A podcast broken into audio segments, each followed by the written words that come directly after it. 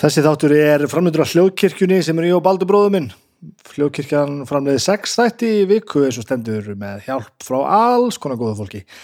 Þetta eru sex þættir á fimm dögum, á mánudögum er það domstagur, á þriðu dögum er það kokkaflakki í eirun, á miðvíkudögum er það draugar fortíðar, á förstu dögum er það besta platan sem og, nei, hætti nú alveg, en á fymtudögum í dag er það Snæbjörn sem talar við fólk. Ég er Snæbjörn og ég tala við fólk. Þetta er þátturinn Snæbjörn tala við fólk.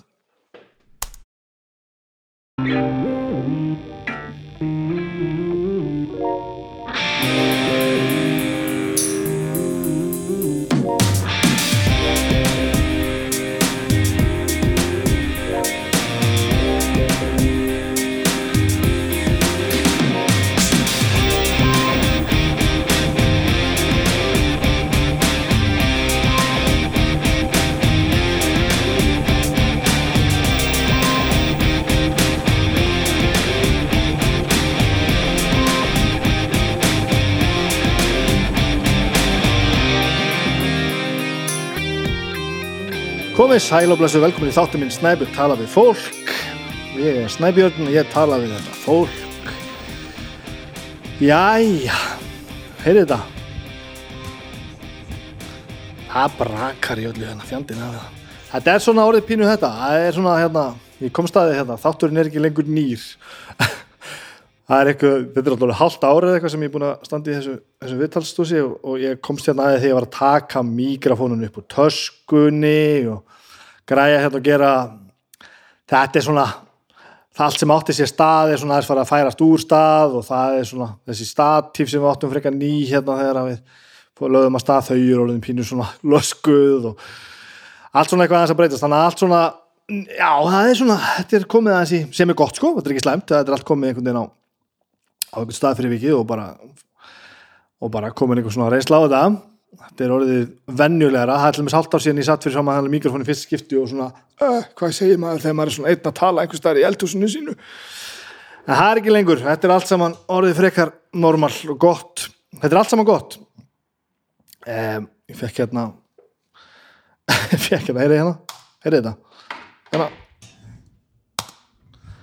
Þessi smellur hérna, ég, ég fekk hérna fyrirspurn reynda að fá fleirin ennum hérna og var eitthvað bara, eins og gengur þá sem að þáttir að bara tala, tala vel um þáttinu við mig og svona eitthvað en, en, en það var svona hljóðnörd sem hérna sagði, þetta var allt sem að frábært hljómaði vel og rosa gott sonda á þessu og allir glæðir en það skildi ekki alveg í því að hverju hérna við drullumst ekki til þess að klippa hérna á þetta spjall alltaf hjá mér áður en ég smelti á músina. Þessi smellur sko þetta er eitthvað ekki músasmellur, þetta er spacebar smellur hérna á tölvunni minni og ég get nú upplýst um það að þetta er nú ekki ég að smella á Space, þetta er uh, Space smellur sem ég tók sérstaklega upp þegar að pródusentin, hann baldur bróðum minn pantaðan hérna fyrir fyrsta þátt. Og hann skeitir þessu inni sem, sem effekt í eftirvinnslinu á þáttunum, þetta er ekki rauntíma smellur og fyrst ég er komin hinga þá get ég líka upplýst um það. Dýrabjalla hjá mér ennum orðin frekar bilu hún hljóma nú ekki nema kannski 50% tilvika hérna Þannig að Baldur þarf á hansi ofta að taka gamla dýrabjöllu og smetla henni inn í þetta það er nú alveg þannig. Þannig að þetta eru galdra hraðarpsins ég er verið að, að, að gabba og, og, og svíkja og, og meiri sér svo mjög að þessi smellur þykir amatörslegur sem er settur inn sérstaklega. Það er svolítið skemmtilegt. Ég er svolítið ánæðað með það sko Það er best ég tala þessum samstarfsæðilina, Reykjavík Rósters að sjálfsögum með mér hérna áfram. Ég hef búin að drekka svo mikið kaffi frá þetta byrjaði að það er stórkostlegt. Það næsta í stöðinni er augljóslega að ég verði að kaupa mér, kaupa mér kvörn. Nú er ég með þrjár könnu sem ég lúpa hérna. Ég er með litla mokkakönnu sem bara heldur upp á eitt botla, sem ég heldur upp á því er einn. Svo er ég með stóra, ansi stóra sem heldur upp á 750 millilitra sem ég gerir hérna yfirlt fyrir þættina. Eða í pressukörunni, það er svona skiptis ef ég er að hella upp á fyrir fleiri. Og ég fann að gera hérna eins og þáttur sem ég tók upp í dag þá var ég með hérna var ég með mokkaköruna og, og, og hella upp á rótstætt í henni stóru mokkaköruna og hef svo vatn til hliðar, heitt vatn til, til hliðar fyrir fólk bara ef að því finnst þetta of of krassandi kaffið. Þetta var trikk sem þau kendi mér á Reykjavík Róstis eða trikk, bara mannasýðir sem að mér voru kendir að, að, að hella upp á kaffi fyrir vennilegt fólk þá mögulega hérna. Það var bara heitt vatn til liðar en ég ætla ekki að fara að koma í körna því ég er með sko mismöndi malanir frá Reykjavík Gróstes sem þau mala fyrir mig sko, fyrir hverja, hverja könnu. Og þetta er ómikið vesen. Ég ætla bara að koma með bönir og kvörn og hætta að uh, kaupa bönir á þeim eða panta á, á, á vefsíðinu þeirra og mala þetta sjálfur. Þetta er bara þannig. Uh, ég lakka óbúslega til því ég get fara með góðri samvinsku fara að labba hann daglega og, og ná mér í, í kaffi bæði í botla og til að fara með heim en ég vil að sjálfsögðu benda á vefveslunum þeirra reykjavíkgróstes.is eh, þanga til. Allt mjög gott. Eh, gastrotrökk er líka með, með mér hérna áfram. Eh, ég hérna sko COVID, tölum nú að þessu COVID.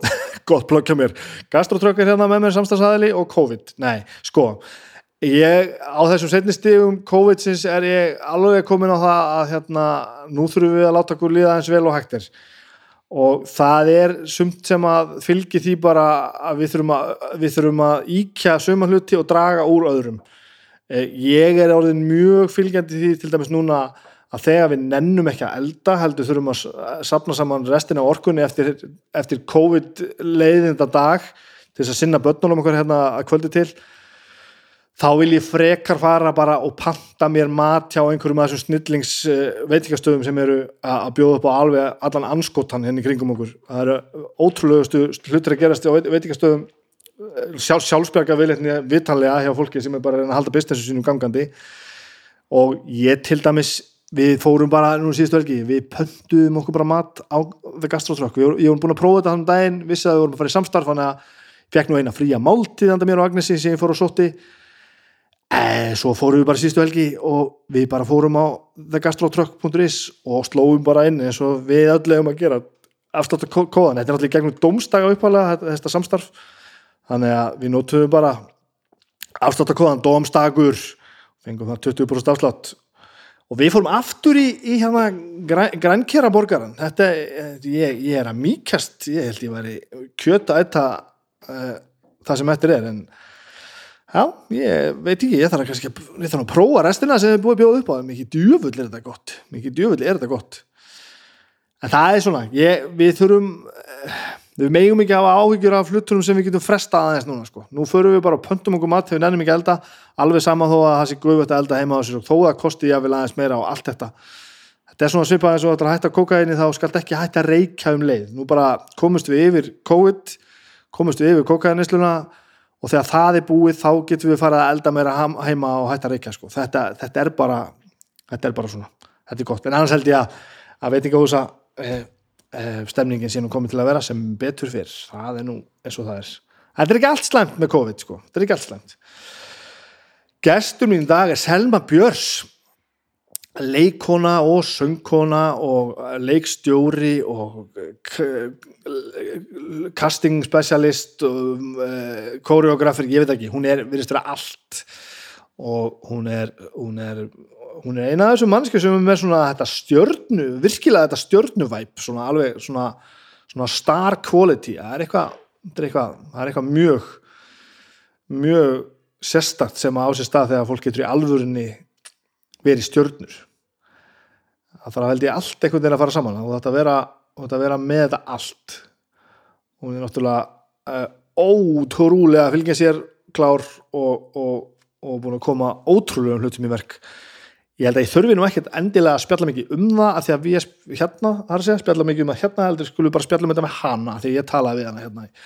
Dágóðan tíma hennar veldsporið og við skulum bara fara í það, þetta er ég og Selma Björs, já, það er svolítið síðan að þetta viðtala tekið upp, þannig að ef eitthvað stangast á við e, ástandi í samfélagin eins og, það er í dag að þetta er nú allt sem hann að breyta svo ógisla hratt ég ætlum ekki að ljúa ég muni nákvæmlega orð fyrir orð um hvað við töluðum en ef það er eitthvað sem stingur ykkur varandi hérna, COVID og fjallæðar samkomu eitthvað þá gæti það mögulega skýst á því að þetta var tekið fyrir nokkur viku síðan.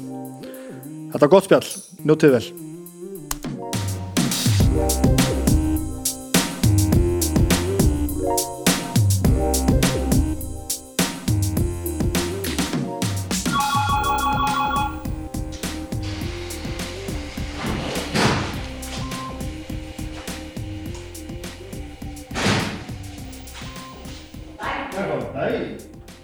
Herri, já, þú ert bara svona sjávarútsin eins og ég. Já, ég ætla að segja mitt, ég er í Garðabæni, maður verður háður þessu. Já, þetta er Ég rosalegt. kefti bara mínu íbúð af því að þú veist, ég er með óskert hérna, sjávarútsinni bæð og stofu og eldúsi Já, og þetta bara stækkar svo íbúðina. þetta bara stakkar allt. Já, Það er eitthvað rosalegt við þetta, sko. Ég, mm ég er frá húsæður, sko. Ég er búin að kveikja þessu, en við erum bara byrjuð, sko. erum við byrjuð? Já. Ok, Talaðu bara eins mikið og, og, getur onni þetta. já, Já, ég er það frá húsæður, sko, en ég er ekki innfættur, sko. Þannig ég er ekki Nei. þessi, sko, ég er ekki hérna, eins og sumi vinni mínu sem bara, bara sjá ekki sjó, það verður bara ómöguleg, sko. einmitt. Ég er ekki alveg þar. Nei, en ég er samt svolítið þar. Já, maður verður alveg veist, Það hefur verið í borgum þar sem eru svona háhísi og það er bara erfitt að sjá í veist, óhindra til himins ég fæ einalokunum kent. Já, já, já, ég ræði mér svolítið við það sko. Mm. En eitt er mjög fyndið Við keftum íbúð hérna ni- niður í hérna megin Já, Fyrst Byggum þar bara, við bara hlaupum eitthvað, finnum okkur eitthvað, eitthvað stað til að búa. -hmm. Mhm. Og svo var maður bara eitthvað að kynnast hérna fólkinu í húsinu og kynntu semst fólkinu sem bjóð hér.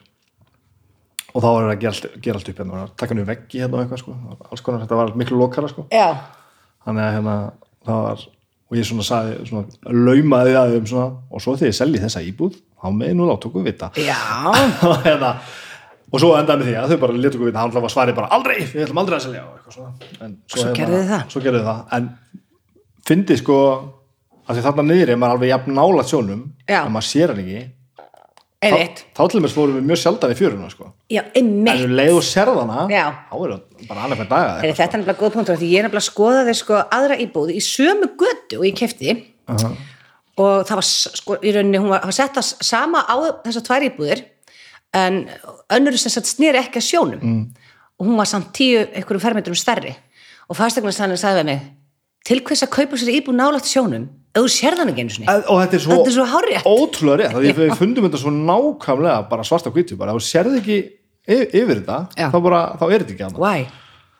Herri, ég ætla að sótrensa mig, við byrjum á því. Ég er búin að segja ég er búið með hérna, ég er búið með COVID þannig að ég er með, Nú? ég er með móttefni sko. Herðu, Það hvernig er- fegstu COVID? ég bara liftu aðeins hérna en svo litli bróðum verið ekki reyðið við mig að heyri ekki þér bara það er snálægt þér og hægt þér bara við fengum COVID bara sko, í bara februar sko. Nú, varstu bara, varstu í skíðaferðið það? við fórum bara til London held ég ég, við höldum það sko að þegar, við- þegar við fengum þetta þá var þetta bara eitthvað svona veik í Kína sko. Það vissi ekki hvað það var Nei. þannig að við bara við erum eiginlega búin að reykja þetta þákað komum með þetta frá London, kannski komum við þetta bara með þetta sko.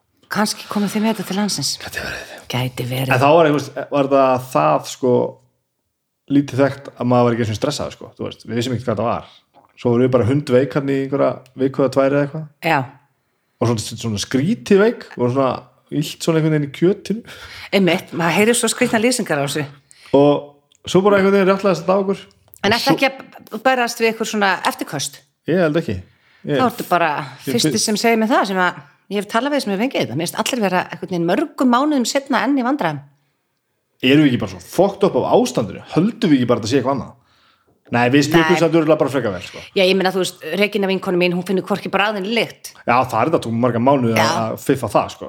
Það var líka fyrsta sem við hérna að, því það var ekkert sagt fyrst sko. það var einhver svona einkenni þannig að þegar við, fyrst þegar við fórum virkilega að velta fyrir okkur höfum verið með COVID var bara sko, það kom, fór, komum bara svona í fréttum bara, já, einkenni getur verið skert, bragð og já, þefskinn og það við bara, svona, að, við erum með þetta. Og við alveg bara svona já, já, mér er ekki neitt. Og þá, þú veist, þá vildum við eitthvað koma ykkur tjekk þá vorum við spítala fullir og enginn til í að, viðbröðin allt öðru vísi svo var bara bóðið upp á mótumna málingum daginn við fórum bara litum tjekka og bara, já, já, já, já. og svo einhvern veginn held maður alltaf einhvern veginn að þetta væri bara svona tengt þessu ári Já. og í loka ársins er þetta bara farið. Já. en þetta er ekki að fara neitt. Okkur var líka sagt að er þið þannig sko. En þetta, og líka bara, maður fann líka bara stemninguna í samfélaginu þegar að hvernig virkar þetta? bara svona. Ég, Á ég bara að opna þetta? já, ég bara ekki að tá svo í sig Ég sérst fram með hérna kaffi. Já, en, en svo er þetta bara að verða eins og spænska veikin sem að kom upp um vetur og lagðist í dvala yfir sumarið og kom svo aftur bara er with a svo- vengeance. svo nákvæmlega það. Og Já. þú veist, og, og maður fann sko hvernig samfélagi bara svona uh, þetta kom bara aftur maður er alveg komið ágja sko það er alveg þannig, maður er búin að eiga eitthvað von tvíveis og þá kemur þetta bara allt aftur og meira. þetta er hundleðilegt en núna, ég, veist erum við ekki bara búin að setja allt á hold sko, mér líði þannig. Jú, það er þannig.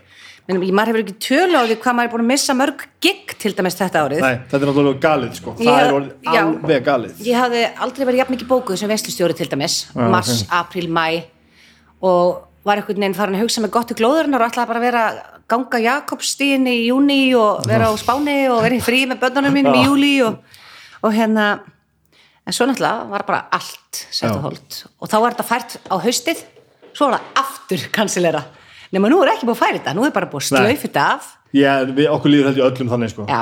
við, sko, við, hérna, við ætlum að gifta okkur sko. og og það er mitt sko, við endur svona bara að gifta okkur bara tvö sko. Já. en þegar við erum að fresta þessu að finna ykkur aðra dagsinningar er bara, nei, þú bara sér til sko, það er ekkert eitthvað svona þetta og kemur eins og með allt, allt svona, við finnum eins og skálmöndrættar var í, í þeirri ótrúlegu stöðu að við hérna, vorum bara ákvæmtaka allt ári í frí.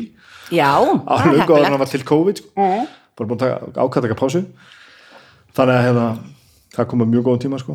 en svo ætlum við að byrja aftur á næsta ári og við finnum núna bara allt plan sem fyrir næsta ár. Það er allir orðið bara, já, Já. sjáum til. Veist, það að því það þarf að bóka flugin og rúturnar og Já, venjúin og allt fólkið og allt þetta. Og það er enginn til í það sko. Nei, bara enginn sko, ég var einmitt að hugsa um á mig langar bara að gefa bötunum mínum utalansfærið í jólugjöf svo bara klæta mér sér bara að kaupa eitthvað svona. Já, og það er sko. ömulegt og ég finna líka að hugsa bara næsta sumar, ég, ég er ekkert fann að plana næsta sumar, Nei. ég er ekkert til í það heldur sko. Nei, nei, veist og maður er ekki með eitt þorrablótið ásóttíð það er enginn að setja eitthvað fram að þetta, svona, þetta er stórpartur af innkominu þér já, þetta, algjörlega sko. Að þetta er allt bara eitt stórt spurningamarki já. ég er bara lukkulega einhvern veginn álpaðist þannig í lífinu að ég var bara komin í vinnu á auðlýsingastofu sko. Já, ég var líka búin að vera mjög heppin af því ég er búin að vera með sem sagt, að sjá um svona leikaraval fyrir RFK Studios. Og þannig ég í rauninni þurfti að bara þykja bætur í sex vikur og fekk síðan bara vinnu við að sagt, sjá um leikarval fyrir ófær þrjú. Já, já, og svo fyrir eina Netflix mynd er þetta casting, leikara já, já, og líka köllu þannig ég er búin að vera bara í því og svo, jú, ég er náttúrulega aðtapnastjóri hjá Siðmenn þannig að, að kom þetta gluggi í sumar. Og þá var ég með nokkuð mörg brúðkaup og eitthvað svona nafngjafir og heimafermingar. En svo náttúrulega lokaðast allt aftur þannig að en maður er heppin að hafa ekki sko, hvað segir maður hérna, sett öll ekkin sín í sömu körfuna? Maður sér þetta fólk sem að við þú veist, bæði vantalega umgangust sem að bara lifir á Já. listinni sem Lifir lifir, og bara, bara, bara sem er sjálfsíði vinnu og þú veist, það er ekkert. Nei, nei, og svo maður þekkir fólk með erlendis bara sýningarstjóra sem voru vinnu minn, hann var sérst á Broadway og það var komið sem sagt forsýningar nýr söngleikur hérna Lehmann bræður bara frumsýninga vika og það er bara allt lokað Shit. og það er engin vinna og það er bara allt á leiðinni stíf, á West End og Broadway öll leikhúsin þetta er rosalegt sko. Já, þetta er rosalegt herru, ég veit ekki hvað er að byrja þetta Nei, ekki veit ég ég, það. ég vil vita allt, ég vita allt um þig við með góður þá, hérna eh, förum bara aftur hvað, hérna, hvað er þetta fætt? Fæðingarheimilin Reykjavík það er svoleiðis, Já. þú ert bara bara innfætt Ég er bara einn fætt sko Já, fætt 74 mm -hmm. og hérna næst yngst í fjögura systra hópi. Ok, og byggum svona hér og þar fyrstu árin, Kópavogi, Breiðholti Árbæ. En lendur svo í Garðabænum þegar ég er fimm ára. Og er alinn þar upp. En byggur sér öll saman en ekki, þú veist fluttu sérst saman Já, já, fluttu- öll saman, já. já, ok. Já, hann endur svo í Garðabænum og þar, þú veist, gekk ég mín á skólagöngu og bjóð þar alveg, þannig til ég bara flutta heimann. Mm. -hmm.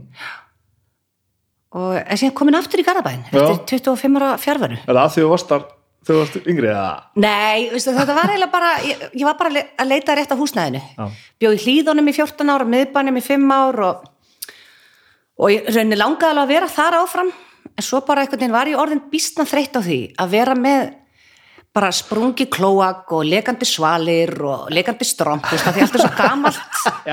Og þarna þú veist er ég einsta móðir og ég er ekki mjög handlægin sko, þannig að þetta voru alltaf einhverjum hundra áskallar sko, fjúkutu gluggan sko þannig ég er svona, og pappi minn er smiður hann sagði, þú ferð ekki gamalt.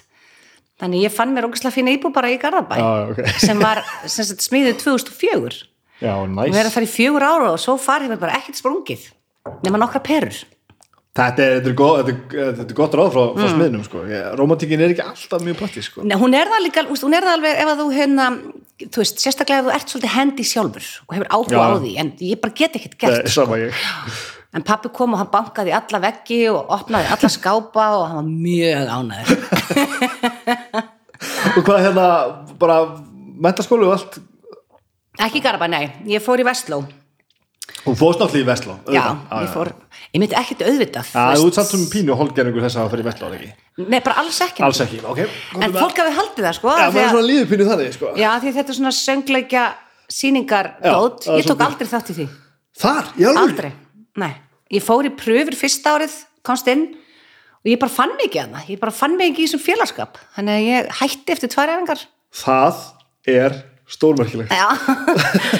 og ég tók í rauninni ekki þátt í neinu fyrstu þrjú árin en tók þátt í Vestlavæli loka árið, vann það og svo sandi ég dansana fyrir söngleikin Superstar sem var settur upp nefndamótinu síðasta árið mitt. Ok. en að öðru leiti tók ég, var ég algjör félagskítur sko. Það varstu farin að stíða svið áður eða? Já, já, ég byrjaði í þjólikúsinu og óperunni já, sem badd sko. En það var bara frá því ég var eitthvað þú veist nýjara til tólvara en svo gerði ég ekkert í einhver ár sko. En ekkert í Veslu Þú fórstast ekki í Vestló til að verða þessi típa Jú, kannski held ég það, svo bara var ég ekki þessi típa og náttúrulega þú veist, ég einhvern veginn, bara minn barnadrömi var alltaf að vera lögfræðingur. Og, já, já. Og country söngkona í Texas. Og það átti að vera þetta tvent sko það var bara Þetta er frábært. Mjög heilat sko. Þetta er ekki, það er ekki á seint. Já, en þetta var samt svona mjög barnslegt hjá mér, þú veist, ég bara horfði mikið á matlokk og svona og ég ætlaði bara að vera hann, bara kona. Og svo ætlaði ég að rauða sportbíl og bara, ég elskaði Dolly Parton og vera countrysönguna svona, on the side. Og fyrir þarna í Vestló og þá bara kemist ég að því að ég bara nákvæmlega engan áhuga á þessu, en ég kláraði það samt. Og veist, kláraði bókfæslu og hagfræði og allt þetta og, og einhvern veginn þráaðist við, ætlaði samt í lögfræðina, sko, það var bara svo það svo pottitt fag að fara í. Tók mér eitt ári frí og fór þá akkurat í pröfun í þjólikúsið fyrir West Side Story, komst þar inn. Og eftir það náttúrulega var ekkert aftur snúið. Nei, nei, og hérna, mér langar bara ekkert að vera lögfræðing En samt varst það sem að dansa í Vestló. Þú er ekki, þú er ekki verið það slitið frá því. Þannig að þú er svona verið með eitthvað. Já, já, þú veist, alltaf sko, en, en já, ég, ætli, ég hafi ekki, þetta er eitthvað svona afnýtun hjá manni að, þú veist að hérna, þú veist, að lista ekki þeim kalla á mann, því það er eitthvað svona ekki það kannski praktískasta að fara út í Já, varstu bara að reyna að vera ekki þessi ja. Ætli það ekki bara? Þú veist það því að einmitt, kem frá barnmörgu heimili þar sem að var ekkit mikið af peningum til og, Nei, nei. og ég einhvern veginn sá það fyrir mér að ég ætlaði bara vera úrslega rík Við lærum nú gefa menn pappa nýtt hús og svo Já, við vinnumst ekki læra reynslinu sko. Nei. Fórða mínir eru bæði, bæði kennara sko. Einmitt, Ég einmitt hefði átt að vera lögfræðingur eða eitthvað. Og ég er einmitt farin að byggt á vera. því sko. Dóttir mín er náttúrulega elskar allt þú veist, sem við kemur leikhúsi og svona og einstennir ég alltaf samt að vona að hún verði bara hjartalæknir eða Já, slags, en auðvitað styðja í öllu sem hún vil en þú veist, ma maður veit bara hvað mikið hark sko, Já. en auðvitað á maður bara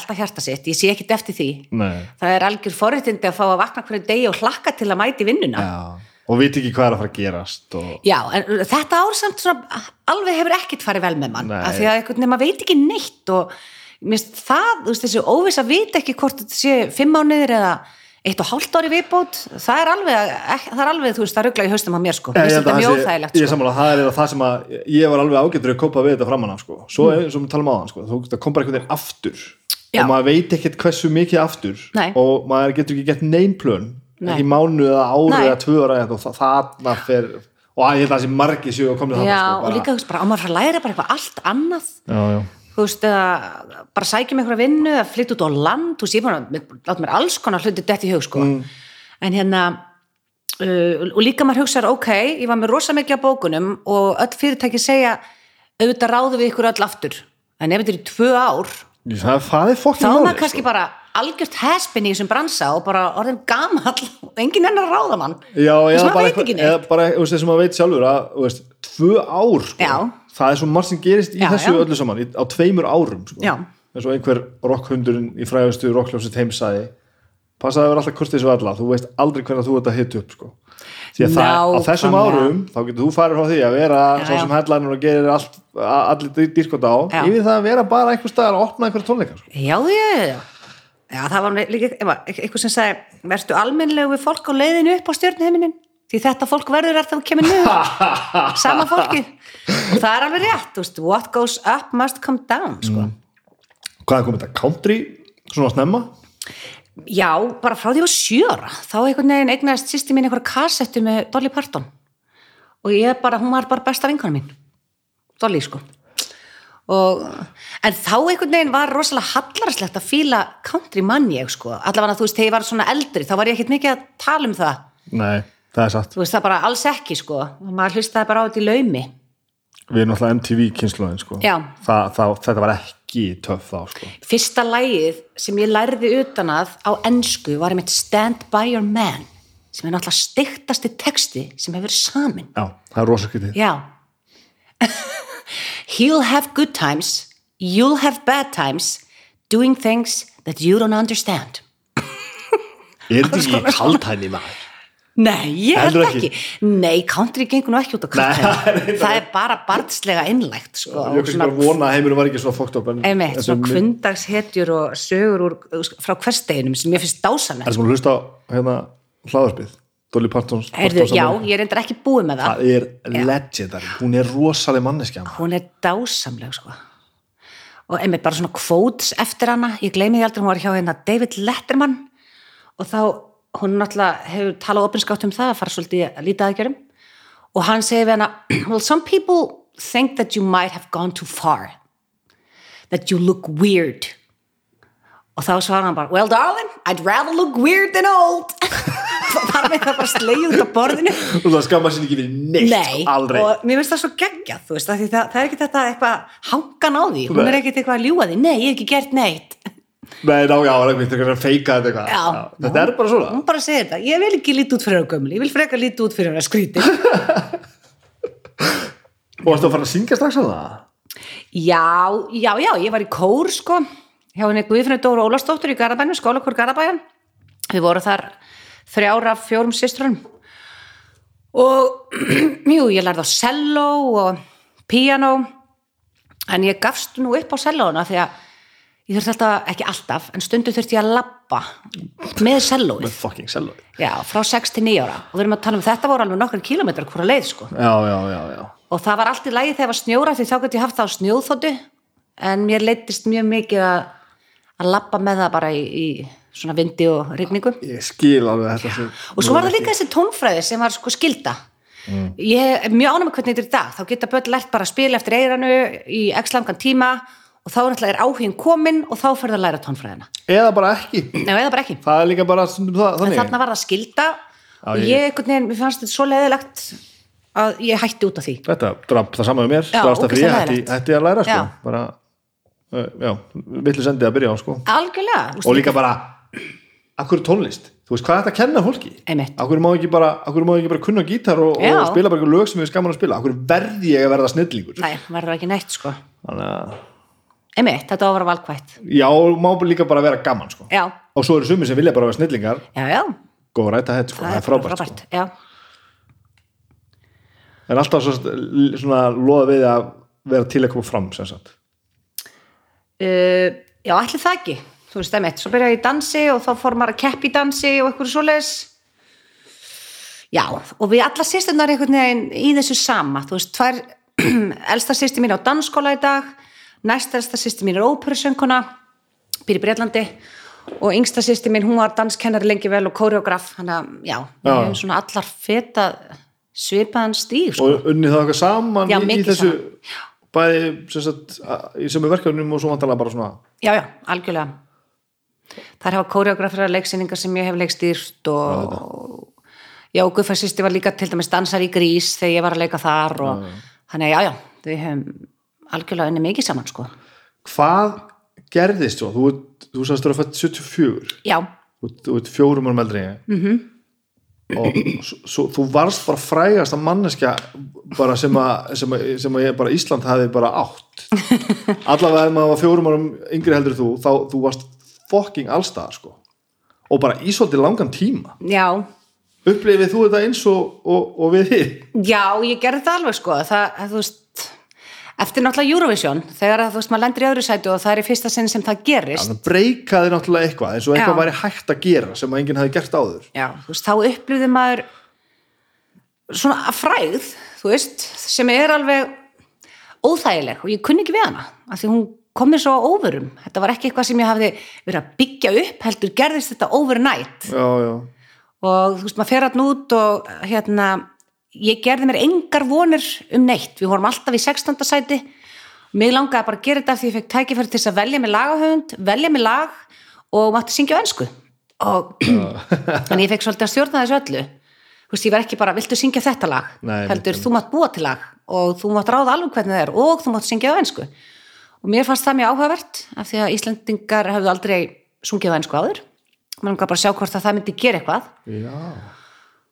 Og jú, svo bara gerist þetta, maður verður öðru sæti og kemur heim og þá einhvern veginn fór allt á hliðina þú veist, og þá þú veist, lágu börn á glugganum hjá manni og, Já, en svo fekk maður líka alls konar skrýtnar sendingar og hérna, óþægilega sendingar og einhverjar Jésu myndir með málingateipi yfir og dulkóðað diska og menn sem vildi láta ætliða sig og, Hæ?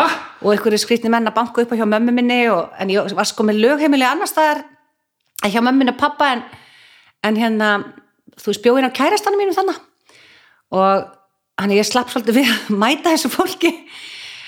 Og svo fannst mér líka það sem kannski var verst var að ég, þurft, ég hætti að fara í sund. Já, ég fyrir alltaf í sund, svona fimm sinni í viku. En þarna var bara, það var eiginlega ekki hægt sko svona starað á mann þegar maður var með sápuna í hárunu í styrtunni, eitthvað svona alveg berskjaldaður. Þannig hætti því. En þetta var nú ekki lengi svona. Þetta var svona kannski í eitt ára eða eitthvað. En þetta er samt eitt af þessum fáu tilvíkum að því að maður er svona, svolítið svona maður heyrir oft frasan og notar hann stundum sjálfur að hann sé ekki beint hægt að vera frægur á Íslandi að því að samfélagið er svo lítið sko. Þú veist, það er allir einhvern veginn pínu þekktir og sumi þekktar en aðrir og þú veist. Já, já. en þetta er eitt af mjög fáu tilvíkum sem ég man eftir það sem þetta var bara svona, já, þetta var svona hæp svona og bara svona super stardom einhver, já, sko. þetta var það og svo næst var það bara í rauninni Birgitta Haugdal sem hún, Já, hún tekur já. við í þessu skilur að, veist, að bara fá svona rosa hæp í einhvern tíma já, já, já, já, en auðvitað eru allir fræður á Íslandi en þú veist, þegar það kemur bara eitthvað svona hæp út af ykkur þá var það, það var allavega svolítið mikið þarna eftir Eurovision já. í ákveðin tíma þetta var meira. Eurovision, ég meina þú varst já, jú, það var náttúrulega mest í kringu það já, já, miklu það, það, það varð, varð fleira stórt sem varst að gera. Var grís á undan eða? já, grís var undan, þetta, það var árið og undan. Já, ok. Jú, jú, það komið þarna nokkur ár. Þú veist, ég náttúrulega tók þátt í einhverjum ég veit ekki hvað mörgum, náttúrulega 27 söngleikjum eða 30 söngleikjum. Þannig að þetta var svona ár þar sem ég var alveg í 2-3 söngleikjum á ári nokkur ár þannig. Þannig að, jú, jú, maður var mikið sínilegur í svona ákveðin árafjölda. Hvað ertu þá búin að gera þarna? Og Þú hættið að fara í lögfræði já, ég er unni bara kem inn í leikhúsið í West Story. Sem bara sem dansari, Sem og, dansari, já. og í rauninni svona background singer sko. En svo gerist það að aðaleikunan er ólétt og þá er kona sem sagt, hún er færð upp í aðhlutverkið og ég fæ þá hlutverkið hennar. Þannig ég fæ allt innu sólósöng og nokkra línur til þess að segja. Já, og hérna, og hvað gerist þetta bara? Þetta bara gerist á Já, og svo einhvern veginn bara byrja hjólin að rulla þú veist, í West Side Story var Baltasar Kormákur að leika með mér og hann var að fara að setja upp uh, Rocky Horror. Og hann ræði mig í það þannig að ég einhvern veginn klára bara þetta og þessu beint í Rocky Horror. Svo er hann líka að gera Latabæ þannig að hann ræði mig líka í Latabæ sem Solu styrðu. Já, og, og svo einhvern veginn bara heldu hjólin áfram að rulla einhvern veginn. Tók alltaf svona einn söngling, annar sönglíku við hinnum og ekki, þú varst ekki bláka hvað ætlar að verða það var, ég var ennþá bara, ég ætlaði örgulega frægur. Nei, en svo einhvern veginn hann að sjá því að mér langaði alveg að fara í leiklistanám og ég fór í pröfu en ég dró mig úr pröfunum að því að þá fekk ég akkurat annar hlutverk í borgarleikusinu og veist, var alltaf að fresta því um eitt og eitt ár einhvern veginn. En svo, þú veist maður hugsaði maður alltaf, þetta hlýtur nú að klárast. Þá fer ég í nám, þetta fer að hætta. En svo einhvern veginn va- var bara nóg að gera í alls konar. Var þetta bara svo, svo svona, bara svona tímabundið sem ætlaði er svona bara að komast yfir og fara svo í ná Já, ég held það, þú veist, hugsa, þú veist, þú hugsa bara þetta er eitthvað svona, þú veist, svo klárast þetta bara og eitthvað, Jú, þið finnir hvað maður er krútlegurinn í sinni eigin, eigin döflu einhvern veginn. Já, já. Nei, og svo allt inni þá er mér búið að leikstýra og þá einhvern veginn tók það við. Hvenær er það? Um, já, ég sem sagt hafði líka verið að sko kóreografera með því að leika og syngja. Og það gerist í rauninni í 2007 ársbyrjun, þá var ég nýbúr eignar stelpunum mína, hún er mánaða gömul, hún er fætt í januar þá kemur borgarleikustjóri til mín og og í hlið, ég var í frumsýningu á síningunni Ást eins og Vesturborg gerði og hann kemur upp á mér í hliðinu og segir ég hef heyrt að þú getur leikstýrt. Mér langar til þess að bjóða þeirra að leikstýra á stóra sviðinu en það næsta badnasýningu, Gósi ég er svona ég held í alvörunni þetta var eitthvað grín og ég beði bara eftir að auði blöð myndi koma bara tekin þetta var svo gjössamlega einhvern veginn out of nowhere. En, og svo sagði hann, heyri, en ég heyri betur í þér. Svo heyrist ekkert í hann með þrjár vikur og ég bara eitthvað, wow, spes, var hann fullur eða hvað var málið, svo bara hringd hann eftir þrjár vikur og, og hérna og stóð við þetta. Og ég fekk einhverja leikgerð og ég sagði, mér langar að gera nýja leikgerð og mér langar að gera nýja tónlist og ég vil fá að fara til Búlgari og ég vil fá að taka upp symfóniuljónstundina þar og hann sagði bara, ok, Alright. ok og hann, hann leiði mér að gera það Hvað, var, var það fyrsta svo leikstýri? Ég, eina sem ég hafði leikstýrt á þau var Vestló. Ég leikstýrði nefndamótunu í ársbyrjun 2007 eh, sem heit 16. Það var eina sem ég hafði gert. Og þaðan bárust frétti til leikustjóra Og það var hann Gísli Rúnar heitin. Hann sem sagt skrifaði handritið af 16 og við unnum það saman og hérna, hann var svo ánægð með mig að hann fór á fund Gíó og sagði að hann ætti að ráða mig. Að ég og honum Gísla mínu mikið að þakka. Blessu sér minning hans. Hva, hvaðan kemur þetta og haldur þú getur gert allt? Að því nú ertu bara, þú veist, bara þú, þú ert bara ráðin sem leikstjóri þú ert búin að vera að leika og dansa og kóriografera og svo ertu hundunum með ha- handritið fyrir að rýma það allt í þig þú veist eitt er nú að geta gert hlutina en að trúa þig virkilega að maður geti þetta sko. Nei, ég trúi því ekkert endur. Ekki alls ekki, ég er bara algjör kvíða manneskja og þú veist skítrætt en ég hef alltaf þegar það er fight or flight þá hef ég alltaf tekið fight. Og ég trúi því að maður er alltaf stökkva einu lengri skrifa en maður þorir. Af því að annars þroskast maður ekki og maður í rauninni þroskast mest á sínum mistökum þannig að maður verður bara að þóra og þegar einhver veðjar á mann þá skorast ég vilt ekki undan sko. Hvern, þetta, þetta fer nú ekki, fer nú ekki sérstaklega vel- saman við kvíðan að taka alltaf einu skef- og lán Nei, maður verður að auðra sér. Ok. Þú veist, maður þýðir ekki bara að pakka það. Auðvildast væri bara að vera heimöndu sæng og gera ekki neitt. Og hvernig lýsir þessi kvíði sér þá? rosalegur sjálfsefi rosalegur framistuðu kvíði. Perf, úst, þetta er svo nátengt að maður er svona perfektionisti maður er að gera hlutana 100% og já, ég er með mikinn framkomu kvíða sko, geti alveg eðalagt fyrir mér heil og hálfu þú veist, uh, aðtapnir og, og hérna bara framistuðu og alveg saman hvað það er, bara að þú ert að fara Já, hann bara kemur þegar hann kemur. Þú veist, þú veist ekkit hvenær hann kemur. já, já, Þannig að, þú veist, ég hef lært bara hérna, að leifa með honum. Og ég, veist, leifa honum ekki að taka of mikið pláss, þú veist, það er ekta ég að ég byrja að kvíða fyrir ykkur viku fyrir tíman og fer þá að haga lífi mínu, þú veist, ég ætla að vera í rektinni og ég ætla að gera þetta og svo ætla ég að fara að stemma að sofa og svo ætla ég að bara borga græmiti og ég ætla að æfa mig ókslega mikið og, og þá ertu bara næra kvíðan, þú veist, þá ertu bara meðan en undir erminni í viku þegar að þú veist, það sem þú veist að fara að gera tekur hálftíma já, já, já. þannig að það var sálfræðingur sem kendi mig það að hann á ekki að vera með í þessu partí heila viku sko, þú átt að augrunum bara sitt og hvað, farðu seint að sofa, fáðu þér hambúrgara gerðu svona. Þetta á bara að taka hálftíma og ef hann vil koma inn í þennan hálftíma, þá bara kemur hann. Já. og þá verður bara að díla við það og þá veistu að hann fer. Og þetta er aldrei náða að stoppa þig. Er aldrei, Nei, þetta hefur ekki náð að stoppa mig. En þetta hefur náð bara, þú veist, ég fekk einu svona, geggja kvíðakast á mið, í miðjulægi á jólatónleikum Sigur Beintens í Eldborg og það var bara að versta sem ég hef upplifað sko. við erum alveg þannig bara. Já, það var bara, ég byrja lagið og svo bara alveg, ég gæt mér leiðið svo var ég, sko, var ég tekinn kverkatæki og ég bara byrja öll að skjálfa og hérslátturinn upp úr öllu og ég bara, þú veist, það kom svona suð í eirun og ja, ég skil eiginlega ekki okkur ég stoppaði ekki. Af því að ég var að hugsa bara, ég ætla bara að segja stopp herri, ég er henni miður kviðakast, ég afsaki mig. En þrjóskan í mér held áfram og ég kláraði lagið sko. Og hérna og ég man ég kom út af og ég var gjörsamlega búin á því af því að þetta kom out of nowhere. Hrikalegt sko.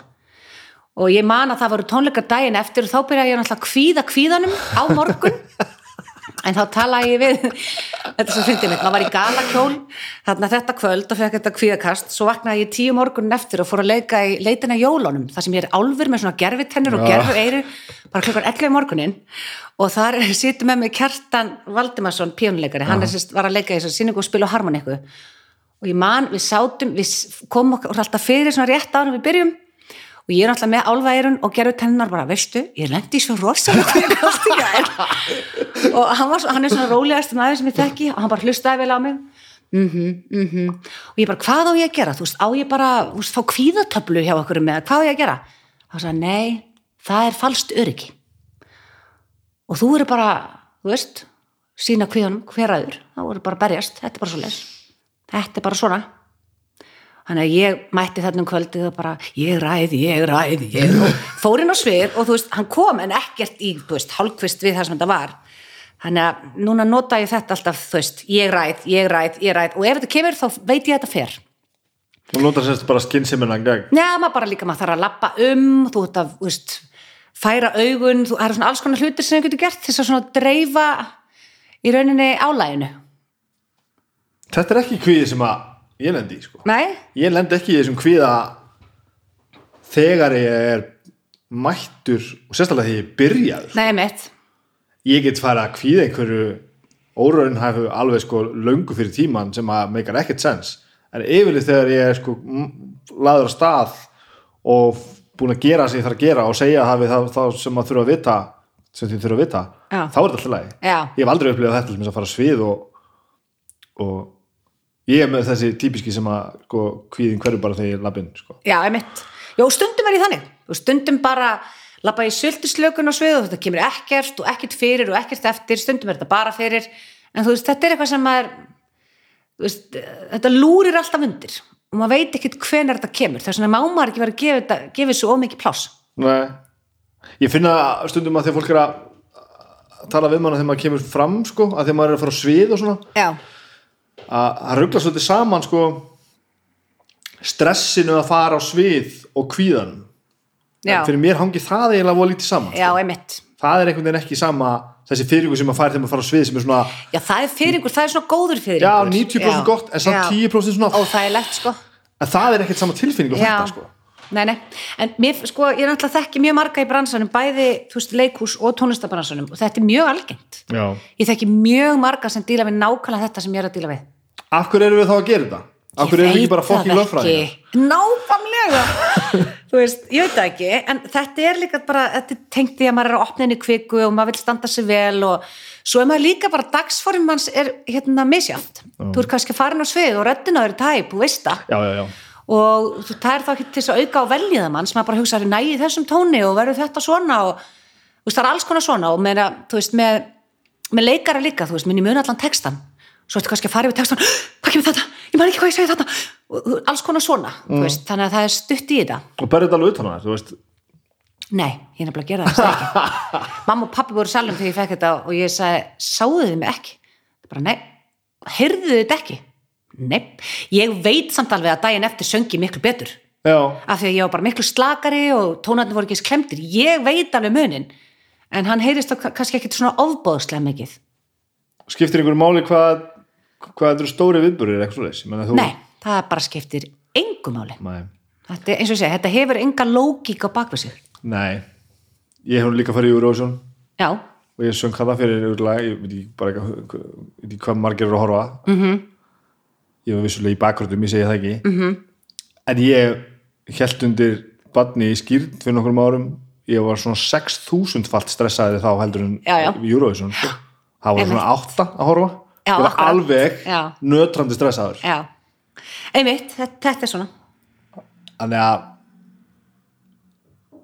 en auðvitað er náttúrulega kannski líka byrja erfiðar þegar eru fáir sko já, það er það. Af því að þá er aðteklingin er einhvern veginn fókuseraði sko. já, ég man, ég var svo með rosa kvíðatengdan brúðköpum sem ég var að syngja í. Þannig að ég eiginlega bara hætti að það, jú, þar liti ég stoppa mig. Ég hætti eiginlega að taka að mér að syngja í brúðköpum af því ég átti einmitt svona rosa vant moment sko, en síðan náttúrulega því ég varð aðtapnastjóri, þá fæ ég þetta ekki. Mér, þá er ég alveg þegar ég tala og stundum syngi líka. En þar líður mér ofbóðslega vel. Þú veit aðtannastjóri á siðmyndur ekki jú, hvernig kom það?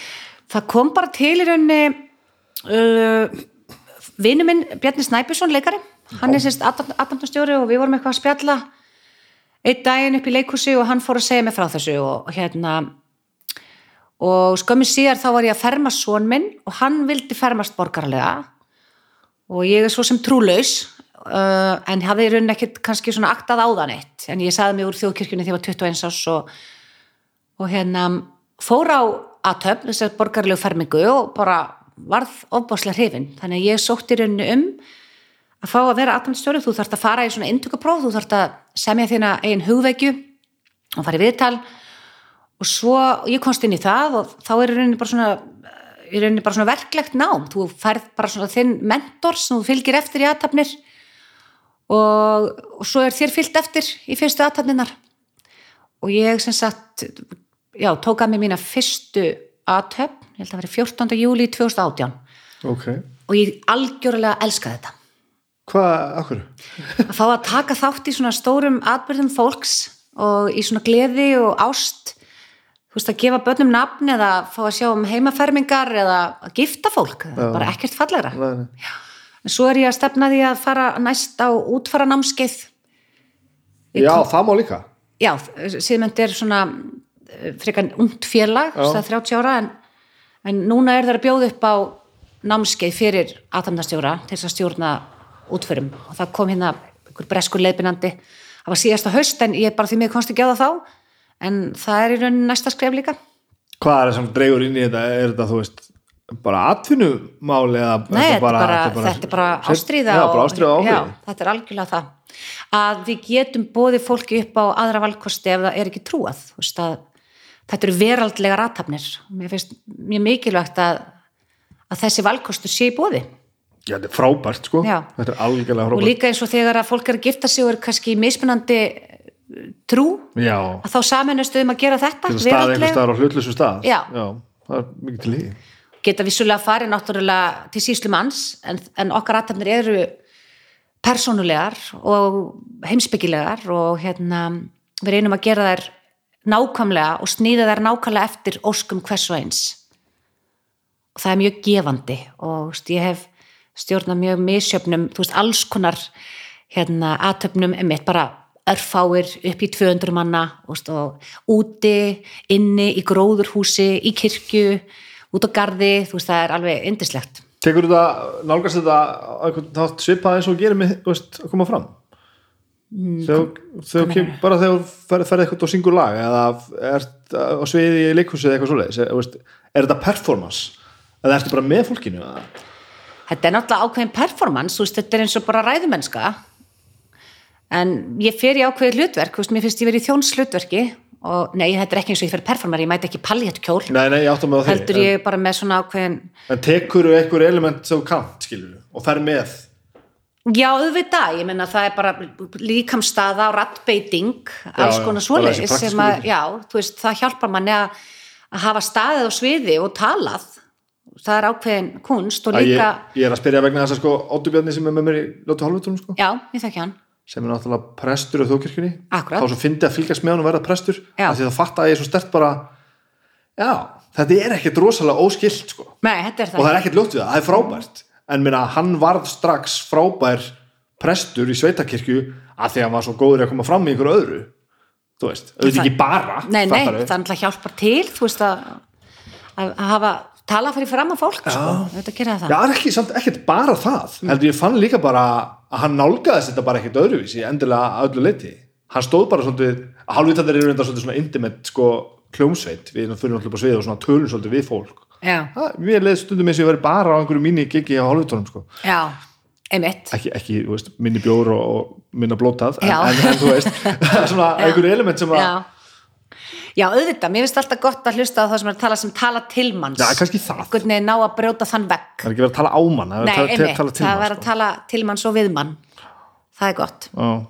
og var, var trúin semst aldrei partur á eitt svo Jú, jú, ég alveg alveg uppi mína barnatrú og fermdist og skýrðist og giftist. En hérna, en það var einhvern veginn vegna þess að ég hafði ekkert mikið pælt í því. Þú veist, ég hafði bara mína barnatrú og mér fannst gott að geta farið með bænirna mínar og hérna og allt svoleiðis. Og hérna síðan bara fer ég að vera forvitin? Þú veist, ég var annar þáttastjórnanda í úlingaþætti sem heitir Óið. Ó, ég man eftir því. Já, þá gerðum við þátt um trú. Og þá talaði ég við, þú veist, strák sem var í vottunum og ég talaði við stelpu í katholsku kirkjunu og ég talaði við stelpu sem var trúlaus og talaði við strák sem tók bútatrú og það var einmitt svo áhugavert eh, viðtalið við hann, hann sem sagt var samkynhefur og hann sagði ég var svo leitandi en alltaf, sagði, alltaf því ég var að kynna með trúabröð þá leið mér eins og það væri við bjóðum alla velkomna nema. Nema þennan hóp, nema Já, þennan hóp já. nema þennan hóp, hann sagði nema búddismi búddismi faðmar alla. Og ég fór á ákveðnum tímapunkti að, að daðra við nýtt sér um búddisma. Sem er í rauninni ekki, þú ert ekki að dýrka hérna búta líkneskið heldur, þetta er bara japansku munkur sem hér Nichiren Daishinon og hann gerði bók sem heitir Lotus Sutra. Og í rauninni þeir, þetta er í rauninni snýst bara um að kyrja til náttúrunar og náttúran svara þér. Og það er ekkert lof um líf eftir dauðan eða neitt slíkt sko. Og ég var að kyrja svolítið og fór svolítið á fundi sem eru haldnar í heimahúsum.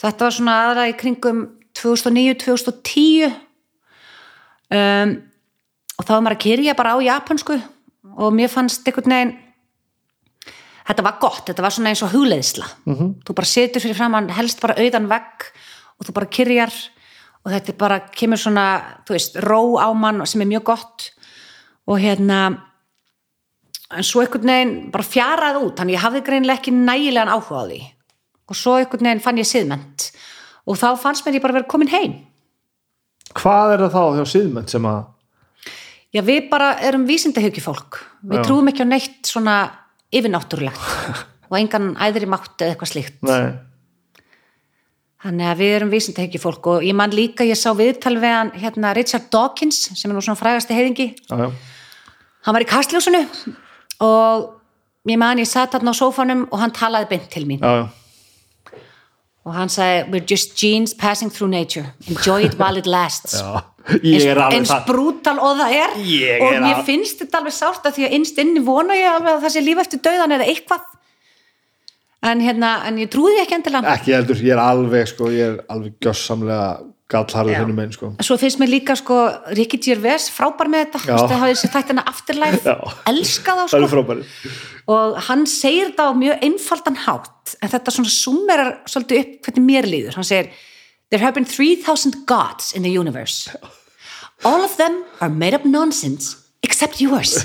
Yours is real. Og þar tengi ég einmitt, ég bara einmitt, þú veist, akkur er þessi sem þú, þér hefur verið kynntu fyrir sem bad, akkur er hann Og réttar en allir hinnir eru allir hinn Allir hinnir þannig að ég ákvað bara ég er bara þakklátt fyrir móðu náttúru og lífsundrið. Já. Og, og ég líka bara, tekur þessu líka bara þó þessi rosa hippalegt að segja þetta bara að lifa líðandi stund sko. að því að fyrst þetta er svona fókt upp og við fáum ekkert meira sko. Já. Njóttu þess sko, að og njóta þess. ég er rosalega dugleg í því. Ok, að, hérna, veist, að eigða peningunum mínum í minningar frekar en já, já, já. að múra mig inn í risastóru húsi, ég meina vissulega fólk getur gert bæði dásamlegt. En ég hérna, ákvað það að sérstaklega þegar ég var einstæð móðir að þá hugsa ég ég ætla að eigða öllum peningunum mínum í minningar með börnunum mínum. Mm. Úst, að ferðast og að þau geti sagt við fórum þangað og við gerum þetta. Og náttúrulega vann þess vegna bara fjórfalt og fimmfalt af því ég vildi ekki að þau myndu finna fyrir því að vera alveg upp af einstæri móður og þurfa þú veist einhvern veginn að kompromera og get ekki farið neitt og get ekki gert neitt. Og mér hefur tekist það. Og mér finnst það alveg frábært. Þú veist það bara leifaði mig að ferðast um heiminn og veist, við vorum, við bara til dæmis bara síðast, síðasta sumar ekki núna heldur 2019 út í Hong Kong og Vietnam og, var, og þar var ég að leikstýra og vinna. Uh, og svo vorum við út í LA og, og þar var ég líka að vinna og þau fengi að vera með mér og þannig að þau eru svona búin að fá að kynnast mismunandi löndum og fara með mér að vinna á mismunandi stöðum Já, sem er alveg frábært. Þetta sem við stalum með hérna eh, með trúna og ekki trú það sem ert að lýsa þetta með þennan- búddisma var það, var það eitthvað trúalegt eða var þetta bara meira bara þetta er, svolítið já, bara þetta er í rauninni sko Já, þú veist, að, að í rauninni Lotus Sud og Sudran, hún snýst um það að vera besta útgáfun á sjálfum sér. Og þessu skiptnir í tíu element. Ég man ekki nákvæmlega hvernig þetta var en þú veist, þetta er í rauninni, já, þetta er þú ert með sko Gohonsson sem er svona eins og hvað getur maður að kalla það alltaf eða eitthvað þannig. Mhm. og þú veist, þú kveiki kerti og þú finnur eitthvað á nátt, náttúrunni. Þú veist, þú getur verið með bara selleri eða avokado eða eitthvað, eitthvað úr náttúrunni sem þú setur þarna á og svo bara kyrjaru og, og þú ert í rauninni alltaf að reyna að vera besta útgáfuna sjálfur þér, vera góð, vera góð við aðra og úst, já, þetta er rauninni svoleiðis. Og já, trúar bröð, ég menna þau vilja bara lifa eftir þessu og hafa, eins og ég segi, þú veist, það er engin það er ekkert í rauninni líf eftir döðan eða eitthvað þannig. En þetta er svona afsprengi af búttisma Hva, hvernig segir maður þetta af börni sín? Börni mín eru 3 og 5 sko. Hvernig segir maður hvað? bara að það sé ekkert líf eftir döðan Í emmi, þetta er nefnilega mjög flókið uh, þú veist að því að eins og svona minn ákvað þetta bara sjálfur að hann treyði ekki á Guð. Og, og það bara, hann bara byrjaði að tala um það sjálfur sko. og hérna uh, dóti mín er meira svona tvístegandi og ég hef alltaf sagt við hann að hún á að fara að fermast á næsta ári. Og ég segi þú veist, þú verður bara ákveð þetta sjálf og þú þarft ekki einu svona að fermast, þú getur geimt það. Og hérna hún er svona bara ennþá svolítið efins um hvað hún vil gera. Enda líka hvað veit maður þegar maður er 13 ára? Að vera Ekki neitt. 14, ég hefði viljað óska þess að fermingar væri ekki fyrir maður væri orðin 18 eða 20 þegar maður er svolítið meira kynnist sjálfum sér betur og hérna, veita eins meira. Já, hugsaðar að sjálfstæðar líka. Já, Bara hugsanlega sjálfstæðri þú veist að því að eins og, eins og ég, segi, ég er ekki trúið, pappin er trúaður. Mm Mhm. -hmm. þannig að hún er á tveimur heimilum það sem myndi misjátt, ég reyna að ítis ekki að henni en ég segi henni hvað mér finnst og hérna tala alveg um trúna líka þú veist og allt svona, bara að þetta sé valkostur. Það séu til nokkri valkostir og maður er bara að kynna sér það. Ég fekk í gæð sko frá dóttur minni 5 ára sko. Pappi, allir degja einhver tíman ég er bara, oh shit, nú fyrir þetta að byrja ég er ekkert komið lengur í söldur en þetta sko. Bara, já, ekki spyrja meira ég veit ekkert hvað ég á að segja meira. Nei, þetta er, þetta er alveg einmitt, þetta er viðkvæmt sko. Já, en þú veist þetta með það er svona að segja, eins og, eins og Rikki, Rikki er að segja og, og veist, já þetta er mjög mikið sko. Uh maður er alltaf spurður á móti sko hver er þá tilgangur með þessu öllu saman? Hvernig getur þú haldið áfram að lifa ef þú trúir ekki að segja meira? Ég bara, tilgangurinn er að þú ert hér og nú og reynda að make the most of it. Já, mikið gaman að heyra að segja þetta þetta er saman ég segi með Já. því fólk og það er eins og það sé ekki nóg sko. og þú ert ótrúlega heppin að hafa, þú veist komist yngað, ég menna ég er með Rikki Djörfis kvót sko, bara alls það er í símanum mínum. Og hérna, líður, hann er bara svona my brother from another mother. Að hérna, hann er mitt segið til dæmis sko, we are on a rock traveling around one of 100 billion stars our species is one of over half a billion that have ever existed Our chances of being born are about 1 in 400 trillion. You are not special, but you are fucking lucky. Enjoy your amazing life. You will, you'll never exist again. Hann segir hlutan bara já, rosalega já, kalt. og, og ég trúi þessu einhvern veginn öllu saman sko. Já, já. Þannig að maður á bara að vera, þú vannst í lotter, lotteríinu, sko. og maður horfir einhvern veginn nú, nú er ég komin á mjög hál, hálar slóði sko. maður horfir í augun á fólki sem bara þú ert bara að segja þetta að þú ert skítrættur sko.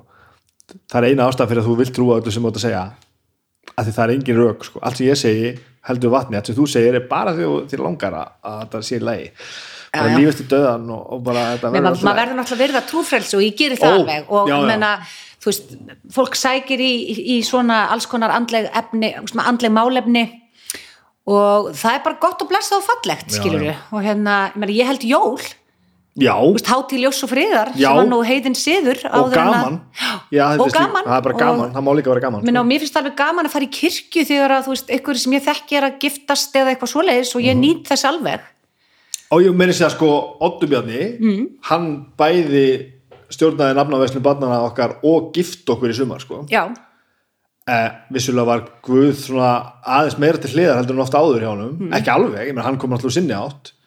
En fyrir mér var vinátt á okkar þryggja, okkar Agnesar og hans Já. miklu miklu meira virði heldur en sko hvernig við trúum sko. Það má líka bara má ekki gleyma að ég óna á þetta allt saman þá erum við líka bara vinir sko. En þú sagðir einmitt það að Guð hefur verið svolítið til hliðar. Mér finnst þetta nefnilega, þetta er orðið svolítið algengt að fólk er að gifta sig í kirkjum Mhm. en að byggja um að sé bara lítið tala um Guð, mér finnst það svolítið astnalegt það skiptið á Já, Ef þú að- veist, ef- ef þú ætlar að vera í Guðs húsi Mhm. þá má hann alveg vera hluti af atöfninni já, já, ég var eitthvað að ræða þetta út að því við erum alltaf rosalega góði já, sko. og ég var eitthvað að spyrja út í þetta hvort ég geti bara skilið Guð eftir heima af því að, hérna, af því að ég triði ekkert á hann. Já, og hann sagði náttúrulega bara nei, nei. Ég get ekki skilað hann alveg eftir. Nei. við getum, mest á meiri leið. Og það endaði með því að við með þess að giftum okkur inn í kirkjunni já, já, af því að annars hefði ég bara geta hringt í þig sko. Það er alltaf hræstni að mér er alltaf að byggja hann um að gifta Já. mig af því við erum svo góði vini og alltaf svo bara stjórna því sem hann gerir. Já, þannig að ég gerði það náttúrulega ekki sko. en þetta samt þetta moment gaf mér samt eiginlega mest að við skildum ná að vera svona brjálaðaslega ósamála sko, en samt svona sammála og Einmitt. mætast einhver staðar á einhverju svona stund sem skipti öllu máli sko. Þessi, það bara, ég var bara að giftast konunum minni sko. sem, og þetta var bara frábært og ég var algjörlega útífelli sko. bara inn í ykkur kirkju sem ég trú ekkert á sko. en Einmitt. það gaf mér einhvern veginn ótrúlega margt já það er margt í þessu og hvað svo? Þannig ertu bara ennþá allar að reyna að vera lögfræðingur hvar voru við? við erum cirka komið þangað að, að þú varst fannin að taka þær leikstra gósa Já og svo fór ég, var það einhvern veginn mjög fljótlega mín aðal atvinna að leikstýra. Leikstýri Gosa 2007, svo leik, leikstýri ég Grís í Lofkastalunum 2009, ég leikstýri Kardmambænum í þjóðlukúsinu, Oliver Twist í þjóðlukúsinu, Vesalingunum, Karis og Baktusi, hleyftum rétta inn, eh, Ronju Ræningadóttur, Fjarskalandi, Hróa Hetti og, og það var í mörgum löndum, Hróa Hettur wow. þannig að já, það er búið að vera og jú, Shakespeare verður ástfangin núna síðast í þjóðlikursunu þannig að það var já, þú veist, tók svona kannski lungan úr árinu mínu að vinna í leikursunum og meðfram því náttúrulega alltaf að syngja eitthvað og svo hefur aukist mikið hjá mér að vera veislistjóri sem ég finnst ógislega gaman sko. Og ég bæði gerir það ein og er þá með dansara eða þá, ég hef líka mikið verið að veislistjóra með Erpi Eyvindarsinni Einmitt, við erum gamle vinir sko. Okay. og svo líka með Jekvan Hansen og hérna og Frýrik Jómari og bara og Hönsu og alls konar. Og ég finnst þetta ofsalega gaman. Og það er alltaf skemmtilega þegar maður er með ykkurum þannig að, já já. En jú, svo hef ég verið að sjá um leikaraval ég byrjaði í ófærið eitt og þetta er alltaf risaserja þú sittur alltaf ykkur bara ég veit ekki hvað mér hlutverk sko eins og núna í ófærið þrjú þetta eru svona 57 hlutverk. Já. Þannig að hérna, ófærið 1, 2 og 3 það er áhugavert sko því að eh, við erum bara búm með allar leikar á Íslandi liggu við, Já. þetta er náttúrulega svo frábært að hérna, geta að gefa svona verkum tækifæri. Hvað gerir maður þá? Nei, ég erum ekki alveg búin með það, en ég meina ég alveg, ég er alltaf, ég leita stundum út fyrir ramman, skilur og bara fæ fólki pröfur sem að mér finnst vera réttu típunar og þú veist, það eru alveg eins og til dæmis GTRN sem að leikur núna hlutirki í köllu, ég bara fekk hann í pröfu af því að ég bara, hún var sem sagt, sá um að syngja hjá mér í Shakespeare in Love og ég sagði, þessi stelpa getur leikið, ég ætla að fá hann í pröfu já. og ég meina hún hrefti hlutverki, við pröfum mjög margar og þú bara ert þótti ekki, rétt, hefur, hefur einhvern tíma verið í fastri vinnu? aldrei Aldrei? Nei, ég er búin að vera sjálfstæð starfandi frá því á tvítu Og hvernig djöglar verkefnum? Hvernig þú veist, hvernig er þetta tímastjórnun og, og, og tíbókunum og öllu þessu? Ég nefnilega hef bara held ég einu sinni að tvisa lent í tvíbókun. Það var mjög leiðilegt. Um, uh, ég er bara góð í tímastjórnun. Ég held það. Ég er bara mjög skipulöð. En þetta er oft þannig sko að, þú veist, maður segja já við hlutunum og svo allt inn er bara komið of mikið. Af því Já. maður, þú veist, þetta er líka svo mikið atvinnu og óöryggi. Og það er það eina sem er kannski vant við þetta. Þú veist, þegar maður er einn með fjárhagslega ábyrðir og skuldbindingar um hver mánaðamót að þú veist, þú hefur ekkit, en- ekkit bakland í því og þess vegna kannski hætti mann við að taka svolítið mikið að sér en ég lærði það árið 2012 og þá einhvern veginn var ég svona alveg við það að keira á vegg bara ofur álægi og þá hérna sagði læknir minn bara þú verður að læra að segja nei. Og þannig að ég lærði að segja nei. Og ég tek mér alltaf frí á sumrin í svona einn og halvan til tvo mánuði. Já, ok. og ég bara sapna fyrir því þannig að ég eigi pening legg það bara fyrir og tek mér alltaf þetta frí af því ég verð að gera það veist, maður verður að slaka á og hérna Og nærðu að vera frí? Algjörlega, ég er mjög góð að vera frí Það er vel gert. þannig að fólk heldur alltaf, hvern þú slakar aldrei á bara, e, jú ég er nefnilega kann alveg að slaka á Og sko. hvernig slakar á? Hvað, hvað? ég bara fyrir í sund og hjóla og lappa og fyrir í hérna ræktina og ég get hort bindswatcha sko heilu seriunar á nokkrum kvöldum ég fyrir spa, ég fyrir nutt ég hugleiði bara alls konar og stundum bara ger ég ekkert og getur lagt bara síma frá þér og bara það er ekkert verið að þú þátt ekki að svara ekki neitt. ég, ég get alveg tekið það ákvörðun magnað Er- þarf- er ég- það magnað? Er Já, það bara- ég þarf að læra þetta aðeins betur sko. ég er alltaf að ljúga því að sjálfum mér að ég sé bara að svara þessu svo ég getur fríið setna en ég er bara að brenna fríið mitt já en sko. þetta er þú veist, ásumurinn er bara rólegt þá tek ég ekkert að mér, ég er í fríi já, já, og þá er síminn ekkert mikið að bögga mann hvað sem er Nei. En hann er vissulega, þú veist, einmitt þegar þú ert með marga bolta á lofti þá auðvitað er síminn aðal atunutæki mitt sko það er þannig en þú lítur að þurfa að, að, þú svona, mörg, svona, svona stórt skilsett Mhm. -hmm. og stundum ert að gefa út plötu stundum ert að leikstýra, stundum ert að gera þú lítur að vera með þú veist 15.000 hugmyndir sem þú ætti að vera að velja úr og djögla og eitthvað er ekki ég var náttúrulega pínu erið með þetta sko. Að, ég legg stundum að staða með einhverja hugmynd sem ég finn svo bara ég á ekki alveg bensin fyrir sko. ég er meðan alveg móta en bara, já, sko ég verð að viðkynna það að, þú veist, þegar maður er einstætt foreldri að vinna í svona þú veist, að vera sjálfstætt starfandi ég hef ekki gefið sjálfur mér nægilegt sviðrum til eigin sköpunar. Þú veist, ég hef til dæmis ekki gefið út disk í tíu ár. Já, af því að ég hef bara ekki gefið mér leifi og frelsi og tíma í að hérna, snúa mér að því. Af því að það er eitthvað sem er ekki borgað meðan það er í vinslu nei, nei. og þannig ég hef alltaf svona sagt ég er gefnaði, ég geta ekki. Og mér langar að gefa út jólalag og mér langar að gefa út nýtt countrylag og, og það er einmitt haldið núna, núna er tíminn. En þetta kostar allt. Já, veist, og hérna, þegar innkoman er minni en venjulega þá er maður ekkert mikið að og ég verð að segja það á svona óvissu tímum. Ég er ekki dæslega kreatív. Nei, þetta opnar ekki mitt eh, kreatífa hjarta að vera í svona óvissu bara, hvað gerist næst það er ekki að hjálpa mér sko. Nei. þannig að ég var einmitt að óska að það myndi gerast núna, maður myndi svona að minna að gera og aðeins að neða, bara, það er bara loklokk og læg sko. Svo ætla ég bara, hvernig skrifar ekki hérna handrita bíómynd eitthvað, ég bara, af því að það tekur sjö ár. Þú veist, en mig langar alveg að gera það með einhverjum. En það er þá að vera svona side project. Það er eitthvað sem ég hef ekki bara efna á að segja ég er nú ætla að taka mig þrjá mánuði í þetta. Er eitthvað af þessu öllu saman sem að gerir ekki? Þú veist, er, er eitthvað verkefni sem að, að þú ert að tala um casting og, og, og skrif og leikstjórn og leik og söng og bara halda áfram sko, koreografinning og eitthvað. Er eitthvað þessu sem þú bara svona, að ég er ekki góð í þessu? Ég, ég myndi aldrei skrifa eitthvað ein. Ok, þú veist, ég, ég er ágætt í því að, kommentera á og með hugmyndir en ég er ekki best í að skrifa og þú veist. langar það þá ekkert eða Jú, en í teimi, þú veist, mér langar alveg í teimi en mér langar ekki að gera það ein þú veist, ég bara finna að ég, það er ekki það sem minni styrkleikar liggja. Ok, allavega þú veist, nei, ekki svo far sko en ég hef svo sem aldrei lagt mig eitthvað sérstaklega fram með það, þú veist, að ég hef bara meiri áhuga á öðru, já, þú veist, ég meiri áhuga á persónusköpun og leikstjórn og leik og öllu svoleiðis, þú veist, öllu svona kringum það. Og ertu, færistu frá því að fara á sviði sjálf meira? Ertu, færistu, færðu fekar í bakvísluna Nei, nei, mér finnst alveg gaman líka að vera á sviði. En hérna, og, og ég fæ útrás fyrir það veist, í söng og veislustjórn. Og hérna en ég hef ekki mikið verið að sækja í leikhúsin sko. Undanfarið uh, síðasta sem ég gerði var ég hoppaði inn í Mamma Mia í eina viku fyrir hönsu vinkonu mína. Uh, en það var líka bara ein vika og mér varst það ókslega gaman. Svo þegar vikan var búin þá var ég bara þetta var nú skemmtilegt og nú ætla ég að gera eitthvað annað. En þú ert bara til í þetta Já, já, ég hef margóft gert þetta. Þetta er kikk.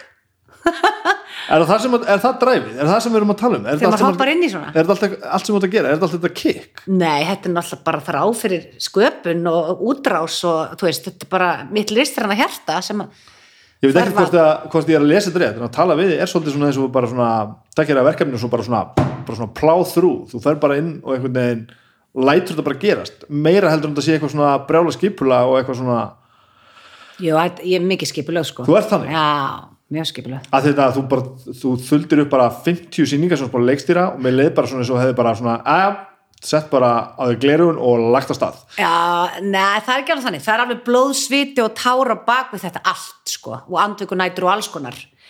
En alveg rosalega gefandi og þroskandi og veit, maður læri rosalega á þessu. og það að leikstýra er svo, bara svo marg lagaverkefni þú veist að hafa allt utanum hald og hafa listarann sín og vera góð sögumæður góðu leikstjóri og líka reyna einhvern veginn að finna leikilinn, þú veist, aðallum leikurum. Þú veist, hvernig get ég fengið þetta út úr þessum og, og hvernig, þú veist, næ ég best til þessa og allt svona. Þú veist, Já. þannig að þetta er alveg ótrúlega, ótrúlega gefandi. Og hvað, hvað, hvað er þetta ekki búin að gera? Hvað langar það að gera meira í, í þessu saman í þessu því ég er bara að reyna að ná utan um allt sem þú ert að gera sko. Já, ég á svo- eftir að leikstýra í bíó eða sjónvarpi. Já, þannig að kannski ger ég það eitthvað tímann.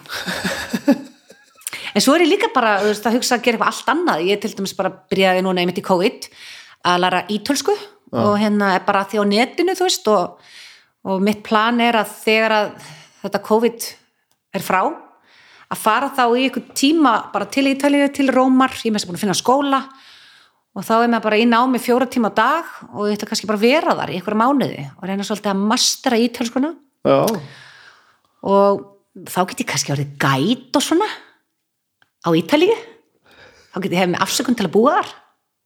En þú ert bara til í þetta að bara að safnaði bara svona allt í dóni aðramastjóru og siðment og svo allir til í þetta bara og já, já, verður maður ekki að halda áfram alltaf. Ertu hægt bara þú, þú, allir svona einhver svona konkrétt áformið það að verða eitthvað bara svona lögfræðingur og láta það bara stjórnöldu fór það bara alveg þá já, það fór alveg, Þú veist, ég, ég er alveg búin að átta með því ég þrýfst ekki á okkur einu. Ég þarf að hafa, ég er svo vön því að vera að gera mismunandi hluti og það nærir mig. Það er einhvern veginn svona fullnægir mínum þörfum, sko, listarænu þörfum. En að vera alltaf að gera það sama ég verður rosa fljótt bara þreytt á því, sko. Mm. En ég finn það samt sko, þú veist, þegar maður er búin að vinna ofbáðslega mikið, ofbáðslega lengi þá er svo dásamlegt að geta sótt í eitthvað eins og aðtapnastjórn sem er bara gleði og ást það er eitthvað svo já, já, já. nærir hjarta mitt, veist, það er ekki streyta sem tengist því að bara fegurð og í kringum fólk og hérna kynnast fólki og láta, láta gott af sér leiða og já, og svo líka bara vona maður, þú veist, þegar maður eldist að hérna, hvað er ekki talað um að síminn hægt að ringa eftir 50 er það svoleiðis? í bransanum, veit það ekki. En það er svona, þú veist, maður heyrir það alltaf í bakherbyggjónu, sko. En, en vissulega ekki tjá öllum. En það er alltaf, það er ágætt að, að hérna, þú veist að vera þá með eitthvað svona já, önnur tromp, sko, eins og já. að kunna ítölsku eða, þú veist mér langar kannski að læra bara, kannski allir vera nuttari eða eitthvað, þú veist, að hafa bara eitthvað svona on the side sem að maður getur einmitt að farast um heiminn og unnið hvar sem er, af því mér langar ennþá að prófa að búa erlendis í eitthvað tíma. Já, já, það eftir. Á okkur svona heitari slóðum. Og hérna þannig já, maður reynir að nýta hann tíma sem maður hefur. Já, nákvæmlega. Uh, hvort er þetta því að þú varst svona ógeðslega fræg eða var því að þú lætur finna svona mikið fyrir þér að maður, maður svona veit alltaf eins og svona þegar að komið byggur svona mál að þú ert einhvern veginn svona, svona, svona, sa- samfélags og þjóðfélagsmál að með þess að ég heyri þetta þó ég sé svona anti-slúðrari algjör. Ha, við veitum ekki hvort þú tala þú veist um, þegar að ég var að hérna að ég voru bara að, að, að googlaði bara fyrir, hérna, fyrir viðtali sko.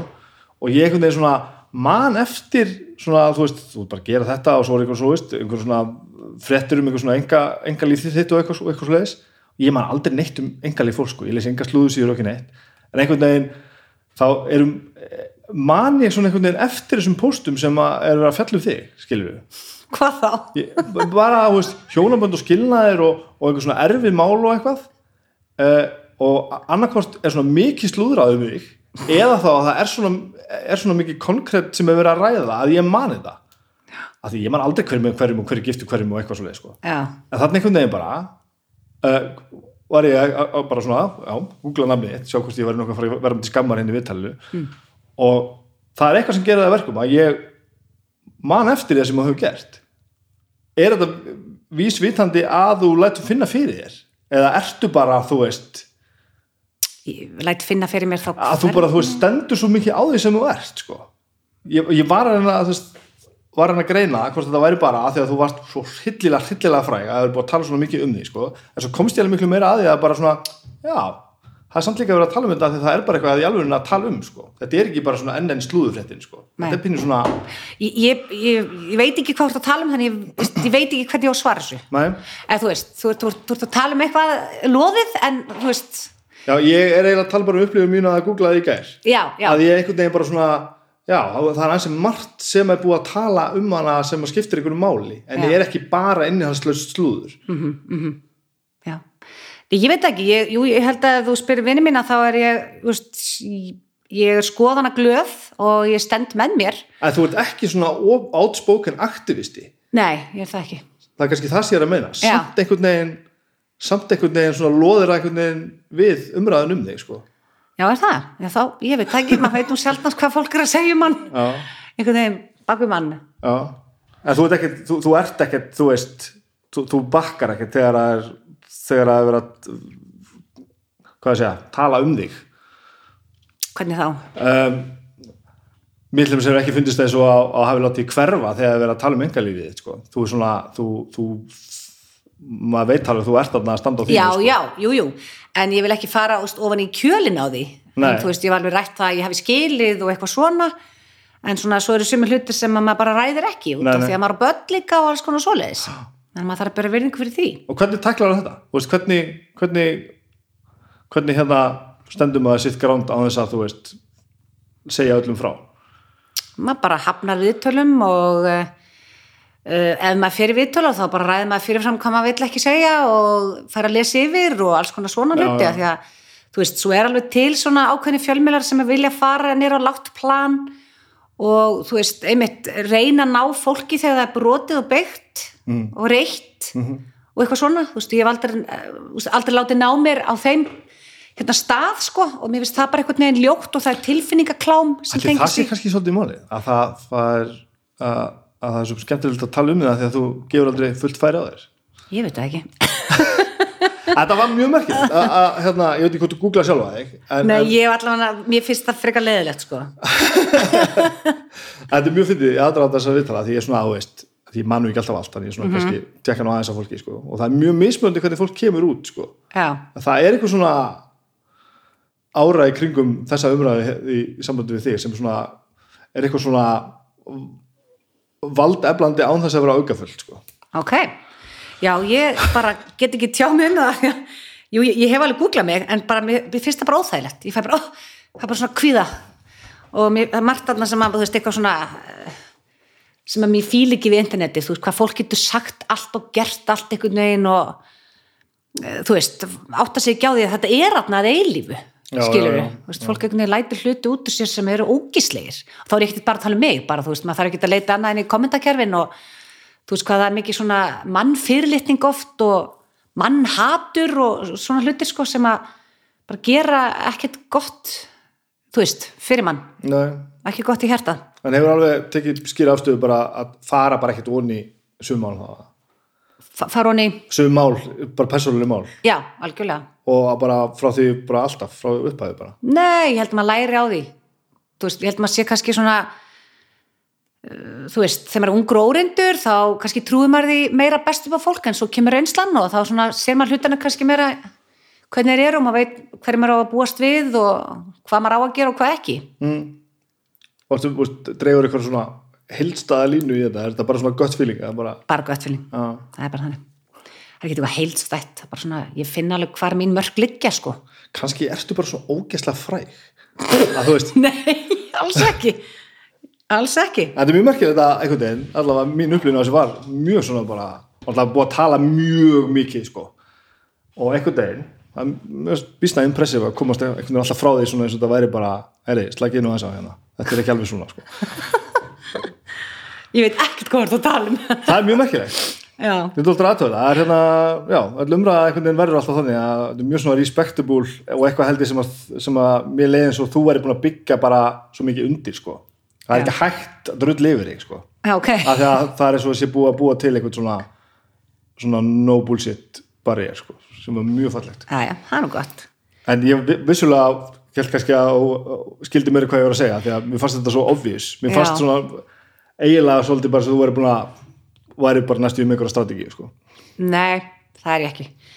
Ég er ekki með neina strakiti beint í lífinu, maður svona fer bara áfram á hjartanu og svona eigin innsæi, þú veist, eins og ég segi, þú veist, hérna, life is what happens while you're busy making other plans, ég er svolítið þar, þú veist, Já. ég ætlaði að vera lögfræðingur, svo einhvern veginn bara tók ég eina beigju sem fór með með annað og þú veist, og það er alltaf þannig, þú veist, með hverju ákvörðin sem þú tekur, þá hefur hún einhverjar afleðingar og hérna já, ég hef að minnst að kosti lifa þannig þú veist, og líka þegar slæmi hlutinu koma fyrir. Er það það líka bara enn en beigjan og þá er eitthvað nýtt framundan og, og já, ég heldur meina bara bara þú veist, við lendum auðvitað öll í áföllum það er bara þannig. Og hérna og þú veist, þá er bara skipti máli mitt bara hvernig stendur maður upp úr þeim? Hvernig vinnum maður úr þeim? Og ég meina það er eitthvað sem við bara öll þurfum að gera. Þú veist, Mhm. það er bara mismunandi hver þau áföll eru. Þannig ég er ekkit undanskilin þeim. Og það gerir maður bara að þeirri mannesku sem maður er. Að þú ert alltaf þá bara til að, að bara líta það bara til framlöðun og sjá bara hvað hva, hva þetta opnaði og gera eitthvað áfram auðvitað ekki, þú veist, maður er líka bara hefur alveg mist lífsviljan og gleðina skiluru og hérna þurft að vinna í sín málum, þú veist, og eins og ég segi ég skil og það tekur mig alveg þrjú ára að vinna mig úr því, Mhm. þú veist, það var rosaleg vinna sem ég þurft að fara í gegnum til þess að bara komast á rétt ról. Og hérna en þegar það gerist, þá einhvern veginn þú veist, opnast bara nýr heimur fyrir mann, sko. Já. og hérna, maður bara heldur áfram það er ekkert annað í og stöðu nærðu það að taka með þér svona, þú veist, góðu hlutina og slæmi hlutunum? Að læ- læra og, og nýta þér þetta ekstra annars þar Næja, að taka góðu hlutina úr slæmi hlutunum. Já, þú veist, það sem að læri þegar eitthvað, eitthvað slæmt hendi mann sko. Já, að þeim er öll þessi áföll sem maður lendir í á, á, mér hefur alltaf fundist trikki vera svolítið mikið að, þú veist, já, þú verður að takast á við allt slæma og, og díla við það. Já. en maður læri svo rosalega margt gott sko. Já, já, maður læri það. og mér finnst eiginlega að maður skuldi sjálfum sér og kannski þeim sem að lendi áföllum kringum mann, jáfnvel með manni sko það að gera þá eins gott úr í og hægtir, taka hlutina sem maður, maður læriði, því hard way sko og nota þá áfram sko. Já, já, jú, jú, maður reynir það vissulega. Og uh, já, maður reynir það vissulega þú veist, og, uh, en það er enginn sem rétti manni bók, bara svona geruru og ekki gera mistök, þú verður að vinna úr öllu og dididi, þú veist, þú, þú ert bara þú ert alltaf að tækla hlutina út frá þinni reynslu og þinnum bakgrunni og bara þinni þekkingu. Og veist, stundum með maður bara að reka sig á okkur hluti sem maður aldrei lendi í og aldrei upplifa og hélt að maður aldrei upplifa og þá er ekki eins og maður getur sest upp borðið. Ég ætla að tækla þetta svona, ég ætla að fara í gegnum þetta algjörlega bara á þess að gera nokkuð mistök. Og sem maður bara vinnur með það sem maður hefur og reynir sitt besta hverju sinni. Já, já. en nú erum við að tala svo rosalega loðið. Samt, já, ég hérna kannski mér finnst þetta ekki svona löð ég Nei. hérna uh, ég held ég hafi bara haldið að þú væri meiri opinber aktivisti en þú ert sko, því að mínum hu huga varst einhvern veginn svo mikil holdgerfingu þess að hafa hlutin í fucking lægi sko. En, og mér fannst eitthvað held ég bara svo aðdáðanavert að það leit næstu því út fyrir að hafa gesta sjálfu sér en ekki að þú er staðið upp á kassa og haft hátt, fattar nei, nei, nei, nei. þannig að það er eitthvað, það er, eit- lítur að vera eitthvað sem að þú gerir, segir eða stjórnar þannig að fólk hlusta bara og ber virðingu fyrir því sem þú ert að segja sko. já, kannski. Þó það sé ekki hérna bara guns blazing og kveiki húsum sko. nei, það nei, er það það sem ég er að meina sko. já, ok. Já, ég bara veit ekki ég, við, ég, ég, ég viðkynni það bara. Ég, held ég fengi einhver svona svör, já ég er nú alltaf ákveðið að þetta er svona svona svona, Já. en það er sem sagt bara ekki þannig. Nei, það er ekki þannig, alls ekki Nei, ég myndi ekki segja að ég var mjög kalkurilegri manneskja. Nei, en, þarna komum við nú einu skipti, skiptinu sko. Já. ég var að tala um sambandi við sem ég uppi í sambandi við listina á halsamann Já. þá varst þú að segja að það verið mjög skipulög Já. svo held ég að þetta væri algjörlega útreikna og kalkulega og þá var þetta bara, nei, ég veit ekki neitt. Nei, maður er bara alls konar þú veist. Ég ætti erfitt með að lýsa mér nákvæmlega. Þú veist, getur þú lýst þér nákvæmlega? Kemur þú stundum ekki sjálfum þeir bara óvart? Þú ég kemur sjálf mér mjög ofta óvart Já. En jú, mér finnst þú samt eins og ég fari nú á svipuðum slóðum í gegnum flesta hluti sko. Svolítið kátískur og óskipulaður er með endatakmarkið nokkuð vel Mhm. svona fyrir síða sko. Og svo bara tekið nokkra aðtökunætur í restina af þess þarf sko, Já. það er svolítið ég alltaf sko, Já. Með allt sem ég geri. Og náttúrulega svona svolítið no bullshit hérna attitude sko. Já.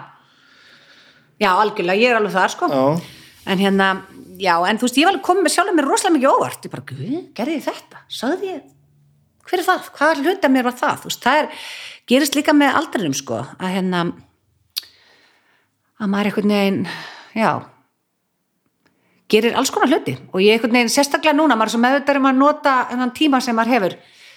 Ég bara segi yfir þetta já við og ég ákvað það með þegar ég skildi ég, ætla að segja já við öllum ævintýrum. Og það opnaði alveg fullt af dyrum sko. Hvernig skilgjur hún á ævintýri?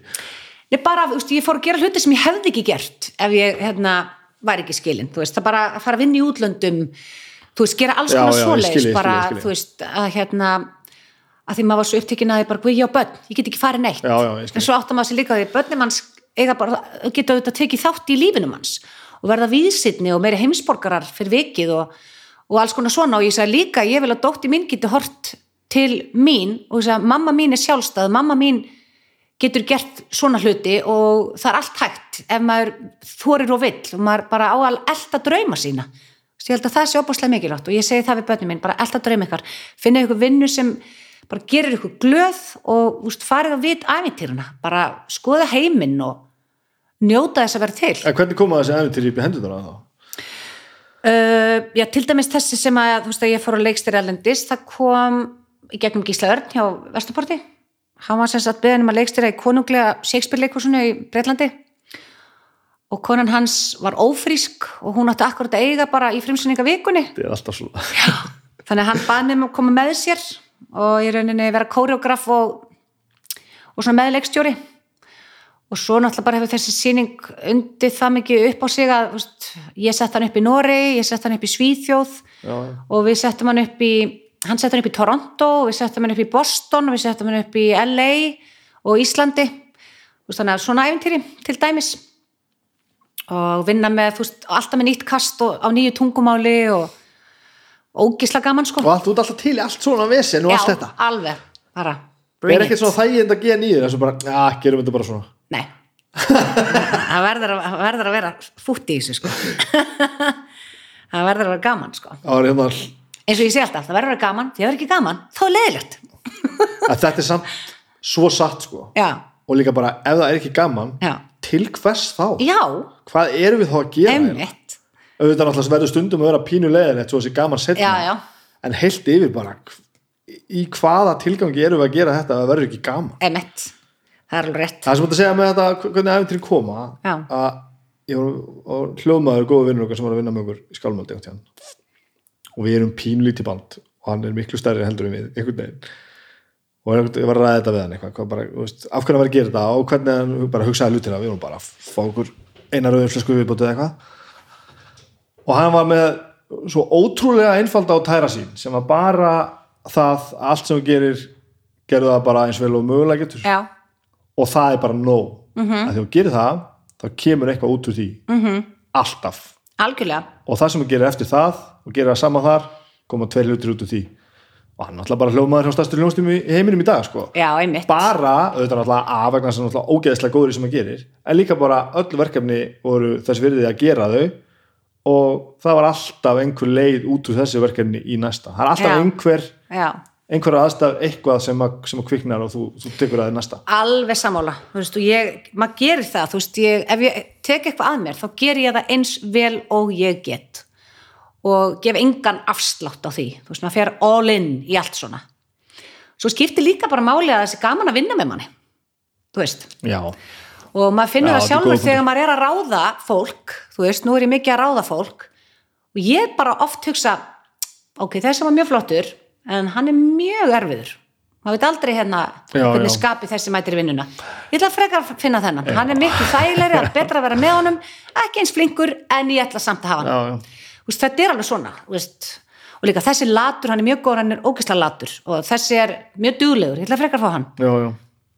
Já, maður fyrir svona, ég myndi að horfa líka bara svona, maður líður næstu eins og einhverja í, hlutina skili, sko. já, Þú ert rosa mikil talent, en bara, æ, þú ert býnum dúsbakk, sko. já, er er ekki til skiptir máli skiptir máli sko Og, hva, og sérðu fyrir þetta verði þá bara svona? Þú, þú bara tekur, farið einhverja flugur í höfuð og, og, og einhver verkefni og, Já, ég get alveg sagt þetta núna bara, það sem er framöndan nákvæmlega núna er bara óttin og kvíðin, það er bara ekkert sko, ég er að klára núna vinnu hjá RFK Studios og, óttinn og kvíðin. já þú veist ræðilegt. þetta er grín í bransanum, þú veist við segjum þetta alltaf við sem erum verkefnar á þinn sko, þegar það verkefnar er klárt, hvað er framöndan, og kvíðin, Óttinn og kvíðinn. þannig að þetta er meira sagt í gríni, en samt, þú veist, það hefur aldrei verið jafn mikil óvisa á núna, þú Nei. veist, ég átt að vera með fullt að giggum í desember og átt að vera að syngja þarna á júlivenner og eitthvað svona og svo er bara allt farið. Og þú veist, ég vennilega með einhver, einhver þorrablóti í janúar og eitthvað svona. Þú veist, það er ekki neitt. Þannig að maður einhvern veginn bara svona stendur bara og, og hvað svo? Þannig ég hugsaði mitt, ég var að spá ég bara að blása þetta við talafa því að ég hef ekki frá neinu skemmtilega að segja, það er ekkert framundan. Nei. Það eitthvað. Þú veist, þetta er svolítið skrítið ég er svolítið að horfa bara í að núna hvernig það verður þegar þetta klárast sko. Já, að því að heldur við lærum svo hilliðlega mikið á þessu Heldurðu ást- ástandi. Já, ég vona það. Ég sé allavega að sko, tónlistafólk er að læra mikið sko. Já, við erum komin í miklu meira beint samband við tónlistafólk heldur við vorum. Já, að því að þessi sem eru allavega du- duglegasta fólki er þannig að, að það gefur aðgang að sér einhvern veginn á netinu og, og svona ég held að eigi sko, þetta er svolítið mikið já ég segi, ég fæ ekkert út úr því að horfa á tónlistamenn á netinu ekki neitt? Ekki neitt bara, þú veist eh, mér, bara það að fara og hlusta á lifandi tónlist, það er ekkert sem jafnast á við nei það. samanlega því, það er ekkert sem kemur í stað fyrir já, það en ég er svona vona að eitthvað að rjóminn sem flýtur ón á að því maður hefur nú séð eitthvað gott sko. Já, já, að það er eftir að glæða þetta eins lífi sko. Og við svona tökum með okkur eitthvað skemmtilegt. Já, já. En ég er að samanlega því, ég kveiki ekki á sjónvarpunum til að sjá fólk spila í byrni sko. Ég fæ, það er ekki ástæð fyrir að ég hlusta á lifandi tónlist. Nei, ég vil vera, ég, Á vil- ég vil finna lyktina sko. Já, og sama með leikúsin ég bara saknaði þessu rosalega sko það get ekki farið og hérna og setja í leikúsin og láta segja mig sögu. Já. hvernig er staðan leiksson nú? hún er bara stopp sko. Það er bara þannig, já, þetta er svo stórt allt saman. Það verður ykkur einleiki og eitthvað svona veist, vonandi hægt að sína þá þú veist, tveggja manna leikrit og ein, einleiki skítamix einhver já, já, en þú veist, það er betur en ekkert að sjálfsögðu, Já. það er frábært einhversi að en gera þú veist, mér langar ekki svo leiksýningu í sjónarfinu heldur ég vil vera í salnum já, ég er bara að það þarna líka veist, Já. og eru undarþendingar á þessu öllu saman Já. er til hluti sem eru frábærir á skjánum en, en það er alveg ástæða fyrir því að tónleikastæðir og leikhúsur til það er að, að það kemur ekkert í staðin fyrir það sko. Það er ekki, er ekki til dæminu sko.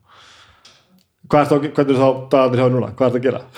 já, ég er núna bara í rauninni að klára leikarval fyrir ófær þrjú og eh, er aðeins að vinna í verkefni Netflix mynd, erlendri mynd sem ég var líka að sjá um leikarvali og búin að taka mér svona aðeins eh, nokkuð verkefni tengt eh, þeirri mynd líka, svona location scouting og eitthvað svo les Alla sögundur eru alltaf svona það er byrjar á einhverju og svo alltaf svona já, svo pínu svona og svona, svona, svona. já, já. og hérna já, það er svona það sem ég er að fara að gera og ég veit ekki hvað ég vil lengi í því. Það er bara einhverja vikur eftir að því sko. svo bara jólin.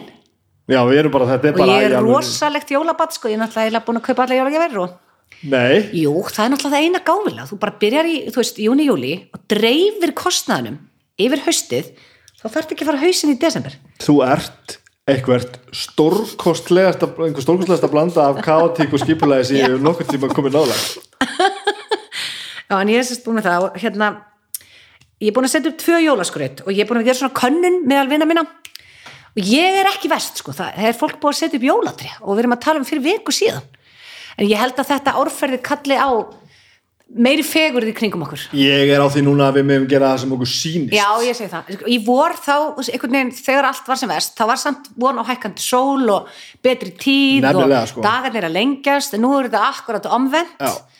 Það bara styttist og kólnar og meira myrkur. Við höfum bara öll að setja serjur í gluggana og bara, það má bara vera jólaskvætt fyrst mér. já, bara, bara hvað sem fleitir bátinum sko. Bara reynda að láta að líða vel sko.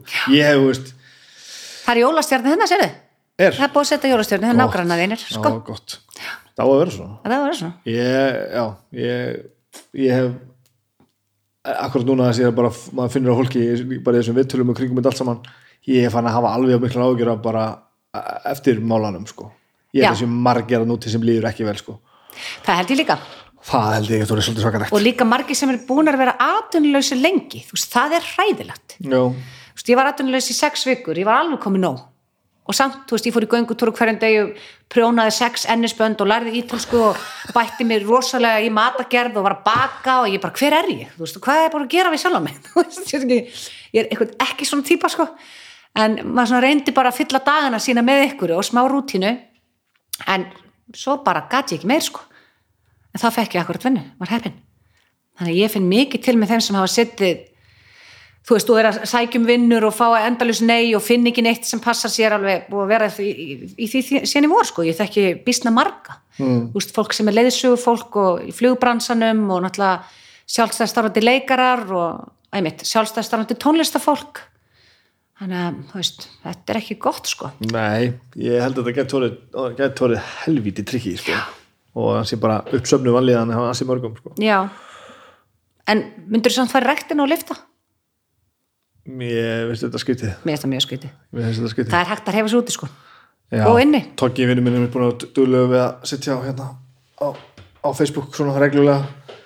Að gefnum tilefni bara svo það sé á hreinu. Það þarf enginn að fara í klippingu Nei, og svo kemur bara nokkur dögum senna gefnum tilefni svo það sé á hreinu það þarf enginn að fara í rektina Nei. þetta er ekki það, það, bara mikilvægast hlutin líka ekki þarna sko. Nei, en ég minna öll hreyfing góð fyrir bæði líkamlega og andlega Já. hilsu og ég minna það er bara æðislegt að fara út í göngu og hugsa um sjálfa sig og, og, og líða vel með sig og allt saman bara Já. og líta vel út og í hvað, hvað, hvað. En það er ekki við, við þurfum ekki Nei, nei, að fara í klippingu. Nei, við þurfum þess ekki sko. Það er ekki þannig sko. það er hár rétt sko. Um, hvað hérna þú veist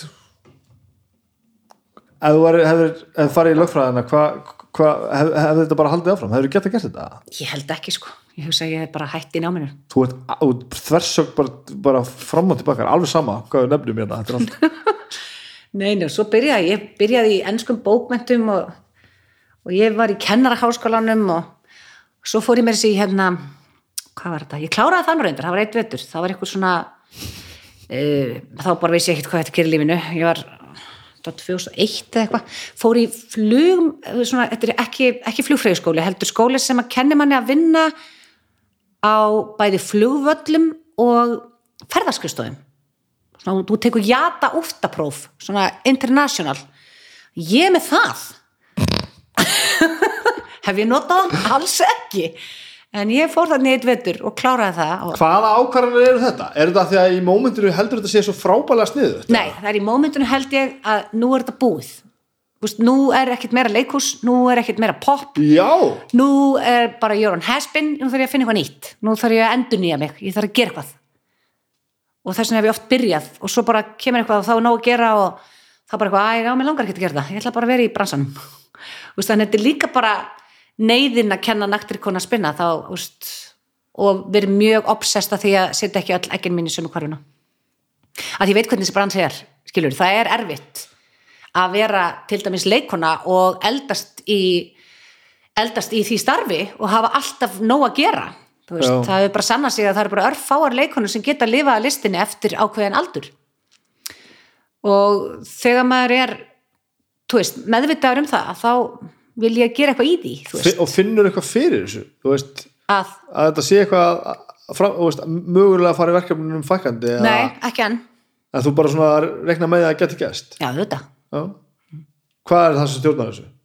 af hverju hættir fólk að ringja þegar við eldumst? ég veit það ekki. Það er bara mjög góð spurning, það bara kemur nýtt það bara pláss fyrir nýtt fólk, ég meina þú ert búin að fá þitt spott og þá þarf að leipa öðrum inn sem er eðlilegt, og er ekki pláss fyrir okkur hinn en það er kannski ekki pláss fyrir alla. Veist, bransin er bara svo, svo stóð en það er heldur ekkert pláss fyrir alla ungu krakkana nei, sko. nei, það er heldur ekki pláss fyrir ekki þannig.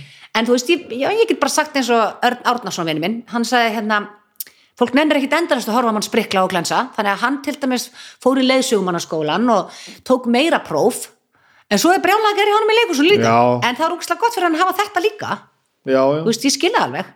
Já, og þetta er frábært. E- ekki miskilum mig, sko. Ég bara ég aldrei, aldrei svo svona hart fyrir mér að Nei, nei, að vera þetta hættir að ringja eftir tíu ár einmitt, það kannski ekki allir, en þú veist hvað ég meina já, Nei, nei, ég bara, mér maður verður líka bara að endurnýja sig og hérna, veist, ég óttast að staðina. Þannig að mér finnst mikilvægt að maður sé alltaf einhvern veginn að bara augra sér og læra nýja hluti og veist, halda heilunum svolítið í formi, sko.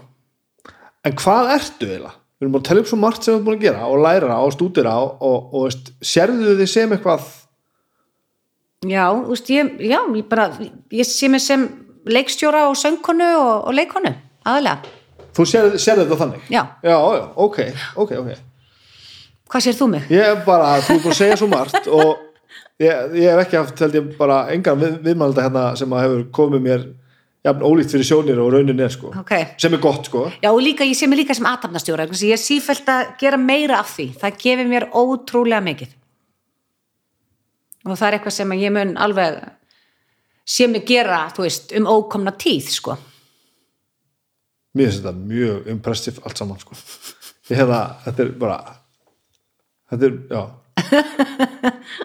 Og, og þú veist hvað svo þegar að þegar dreigur svo nær döðanum sko hérna, verður þetta bara eins? Verður bara svona, já, ég ætla bara að fara á hérna og læra arabísku hérna upp í þessum þessari geimstöð? Ég vona að ég verði eitthvað staðar bara á svona salsa námskeið. Ég að komast að því að vinnafólk mitt fór, þá hérna, það eru svona salsaháttir út um allt. Og þú getur bara farið á salsaháttíð í Króatíu og þú bara skráði ykkur tíma og það eru tímar út um alla borgina. Svo bara ætlum að hittast á þessu torgi og dansa. Og það er bara heil helgi bara salsaháttíð, þannig ætla ég að vera svo er hún í Portugal og svo er hún þú veist, eitthvað staðar í Suður-Ameríku og, og þetta er eitthvað svona bara, þeir skiptast á að halda þetta. Ég ætla að vera þar. Og heldur hún að er að verða bara uh, respectable eldri kona sem, sem er bara hægt að vinna og bara það skemmta veit ég ekkert um. Þú veist, ég geti drepist á morgun. Já, ég er að tala um svona að því gefnum náður aldrinum sko. já, ég, ef maður hefur heilsu til þá náttúrulega vona maður það. Og heldur hún náður þá bara að njóta og skemmta, að skemmta þegar þú veist þú náttúrulega, við veistur alltaf, að- þú alltaf að gera eitthvað. Það er planið. Þú veist, að, að hætti ekki fyrir en maður deyr? Mér langar að tala með henni söngina og hættum að, hættum að tala saman. Hvað hérna uh, hva, hvað drífur þið áfram að gera allir með þessar plötur, þessar countryplötur? Countryplatan var eitthvað sem var búin að blunda lengi með mér og ég hafði hérna deilt því með honum Þorvaldi Bjarna að mér langaði að gera countryplötu. Og svo fer ég þarna út í leikstjórnanám í mastersnám í Bristol í leikstjórn uh, búin að vera þar í nokkur tíma en þá akkurat þurfti ég að taka upp á því að skilja og gæti ekki klára námið það því þurfti að vera heima og vera með börnin. Og þá hérna uh, ringir Þorvaldur í mig og segir, heyrðu, nú gerum við svo plötu nú hefur við tíma, veist, af því ég var náttúrulega búin að gera ráð fyrir því bara að vera í námi. Þannig að við gerðum hana uh, já, 2010 byrjuðum á hann í ágúst og hérna, og var, veist, það var lítið mál fyrir mig því ég vissi alveg hvaða lögum ég langaði að gera og hérna, eina sem ég átti eftir að gera var að láta bara þýða þau, þannig ég valdi svona nokkrar af mínum uppáhalds country perlum og tókum þetta bara upp í rauninni live, veist, það voru bara æft og svo bara, svo bara talið í og hérna og svo, hún gekk bara fáránlega vel. Ég menna þú veist, Game State gaf hann út þannig ég tók hann upp hjá hann í stúdíunni hjá Rúna Júl. Mhm. Og hérna og stopnaði hljómsveitana Selma Björns og miðnættu kúruganir Akkurat. Og við heldum hérna já, já. Við heldum útgáðu tónleika í salnum og þeir voru uppseldir og svo held ég aðra tónleika á græna hattinum og það gekk vel og, og aftur á Rosenberg þú veist þannig við tókum svona ár og ég meina hún seldist bara fínt hún kom út í gróða sem kom mér mjög mikið óvart. Ég vissi ekkert hvað ég var að fara út í með þessu country. Þetta er rosa effortless að hlusta á, á þessa plötu og þetta, greinilega stendur er mjög nærri, já. þú ætti ekki að sitja í neina stellingar? Nei, country fer röddinni minni mjög vel sko og ég, mér langar að gera meira af því af því að ég algjörlega elska þetta sko. Já, og það er eitthvað svona, eins og segi, það er eitthvað svo mikið tilgerða leysi í countryinu, það er ekki að reyna að vera neitt. Já, það deyr eiginlega alveg um leið og, og það, er ekki hægt að feika neitt. Nei. um leið og byrja að feika eitthvað þá er það alveg farið sko. Nei, menn og guð, ég alveg, þú veist hérna, sem, er- sem er að þessum textum sko, þeir eru svo einhvern veginn barnslegir en þeir ná að fara hringin í þessari barnslegu Já. innlægni sem er dásamlegt. Svo lagi Jesus take the wheel. Það er svo dásamlegt sko. Þetta er bara, verður að hlusta á þetta lag sko. Ég er búin að hlusta á þetta alls saman sko. Já, það er slett En hérna, við erum að tala um það veist, rosalega margir eiga svona atvinnu og áhugamál. Er, er þetta alltaf sama hjá þér? Já, Þetta rennur allt saman og áhugamál. Ég á eiginlega engin önnur svona áhugamál nema spa. Veist, það er svona mikil áhugamál að fara í spa og þú veist, ég var í Everrup og fara í svona nektarspa og svona, mér finnst það geðvegt og líka, hérna ég fyrir í sund, það er áhugamál hjá mér að fara í sund, þú veist, dyrka að fara í Það er sund. ekki bara spa og, og, og, og sund er ekki bara afslöpun þetta er bara svona Eða, með, það líka bara passion, svolítið. Já, þau bara- Já, það er svona það er svolítið. fulla aðtekli í sund. Já, ég meina, ég fyrir full aðtekli í spa. Veist, og bara, og reyni alltaf, að- ég er í útlöndum þá reyni ég alltaf að finna spa í hverju borg. Og hérna, það er svona hluti menn, úst, ég fyrir leikhús í hverju borg en ég fyrir, reyni líka að fara í spa í hverju borg. Úst, alls konar svona. En, jú, og ég, þú veist,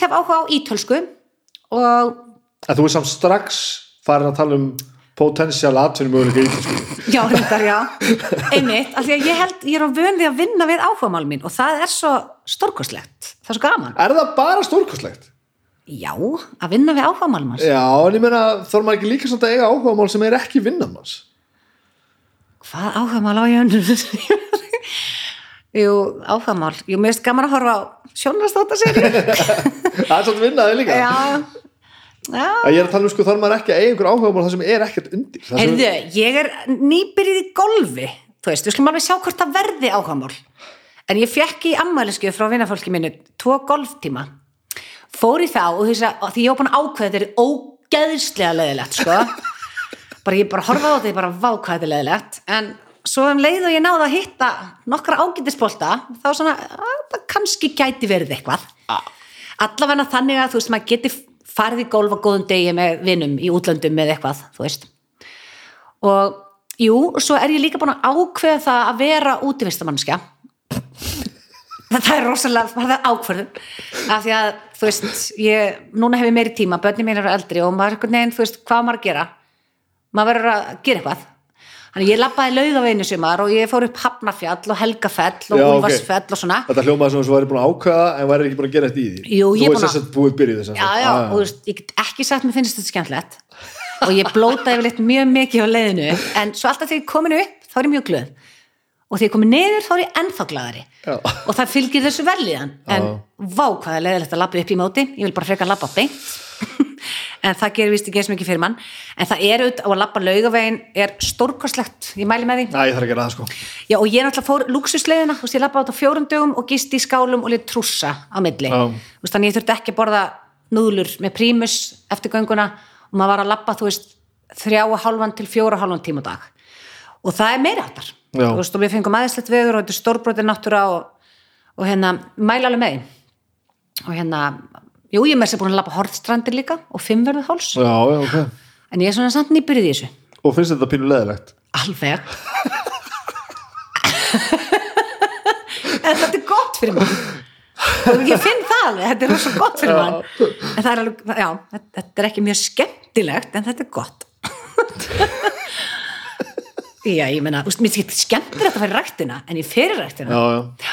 Þú veist, að lifta lóðum er ekki mjög gaman en eftir á þá er maður slánaði með sig og maður líður betur og Það er maður fær meiri orku og... Það er aðeins minni aðgerð sem einhvern veginn finnst manni heldur en að fara yfir heilt fjall sko. Nei, þú veist, þú fær meira út úr því að fara yfir fjall, þú veist, allan með útsýn og svona. Hvar dreifur það mörkin, hvað gerur ekki? Nú ertu bara að tala um af hlutum sko. Fyrst að ég held að vera búið með tíman með allt ert búin að segja mér sko, og bara hefur ekki meiri tíma í, í sólarhengnum Já, að gera allt sem þið finnst skemmtilegt og svo fórst að tala um að gera allt sem þið finnst leiðilegt líka? Já, ég mitt Sko, ég, hérna, hvað ger ég ekki? Það er alveg hellingur, sko. En þú veist, ég sé mig ekki til dæmis taka þátt í jafnkallið eða eitthvað svona, landvættunum. Nei, nei, ég, mér, þú veist sé það ekki, þú veist, en já, fullt af vinnum sem gerir þetta ég var til að gera eitt af þessu, ekki allt þú svona, aukasport eitthvað. Já, nei, það er ekki fyrir mig. Mér er svona bara til að bara gera eitthvað smá á hverjum degi hann er maður svona haldið sér ágætlega við og, og líður vel. Þetta er ekki mjög flókið. Nei, Þetta er Já, ég, ég verð ég, ég verð svolítið tíma að melda þetta allt saman sko. já. Þú ert, ég ætla að segja þetta eins og nefn þú ert ótrúlega blanda af kaotík og, og skipulagi. Alveg bara, já, það ekki? Finnur þetta ekki sjálf Nei, ég er ekki mikið í nafla skoðun sko. En þegar þú vaknar á mót, ég vil bara verða að fræðast það smerum þessan hugsunargang. Þegar þú vaknar á mótnana og stundarskáin er eðlileg ekki COVID og svona Mhm. -hmm. veistu þá hvernig dagurinn verður? Meaning, hvað meina En þú? veist, þú ert alltaf að fara í einhver verkefni þú ert að leikstýra kasta eða eh, whatever. Já, eh, ertu með dagana svolítið niður nelda í skipulagi eða? uh, það er rosalega misjátt og þú, þú kópar við bæði Já, bæði já, já. getur fa- farið eftir Já. skipulaginu og svo bara stokkið til þegar það starf já, sko ég ef ég er í leikhúsinu, þá veit ég hvernig dagarnir eru þú veist, þá er ég bara frá 10 til 4 þar að leikstýra Já. og þá veist, það er ekkert sem hnikar því en eins og núna, þú veist, engin dagur er eins þú veist, ég er bara að gera alls konar hluti á alls konar tímum og þú veist, já, já, ég er að fara í vinnu núna eftir með castingfund og hérna svo er ég að fara í stúdíó og syngja smá og svo er ég að kenna á morgun og veist, það er svona alls konar, en þú veist, á öllum tímum og þú nær að setja 100% fókus í allt sem þú ert að gera þó að þetta sé svona Já. nú, nú ertu bara að nefna sko fjóra, fimm verkefni á tveimur dögum sko. já, en þú veist, já, ég er bara vönn því að hérna fara úr einu í annað þetta er magna maður nei, nei, maður bara gerir það sem maður þarf að gera ég held að það hafi tekist hjá okkur. Við við heldum við komist alltaf leið. Já, við erum alltaf búin að tala í næstu tvo klukkutíma. Það er ekkert mál að tala, það er gaman að tala sko.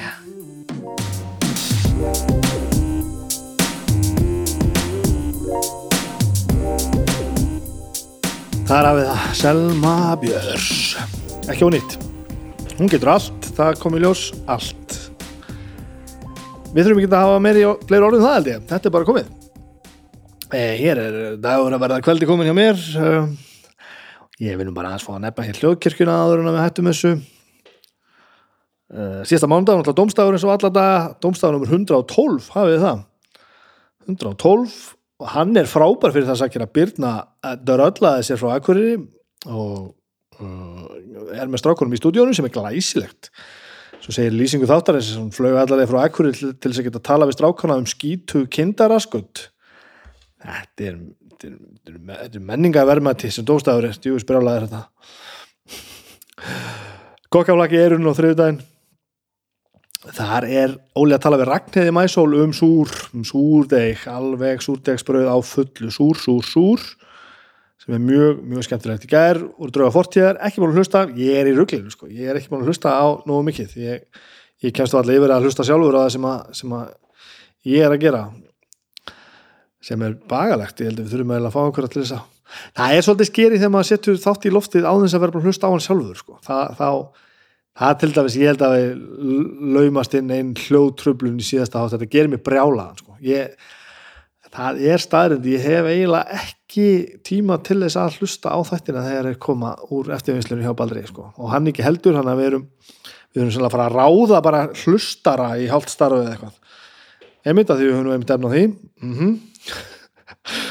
Herru hvað meira?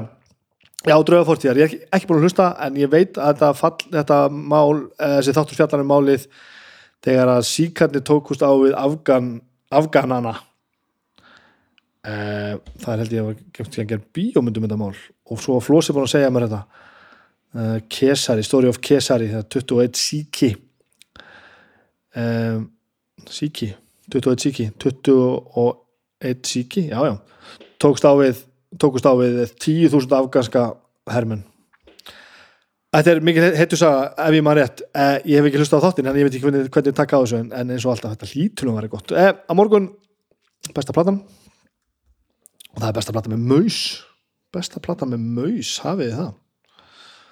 Um, þetta er svona þáttur sem skiptir máli þetta er svona hluti sem að já, þetta er hljómsett sem var í gangi þegar ég var að stopna mína fyrstu hljómsett og spila einhverju alvörunni og einhverju alvöru og, og, og ég hlustaði mikið að maus á sínum tíma. Ég hugsa svona ef ég ætti að nefna eitt band sem á sínum tíma var svona mitt 90's íslenskt band á þessari bylgu þannig botlega á maus og kolorasa og kvarasi og þetta allt saman þá held ég myndur alltaf að nefna maus sem mitt band sko.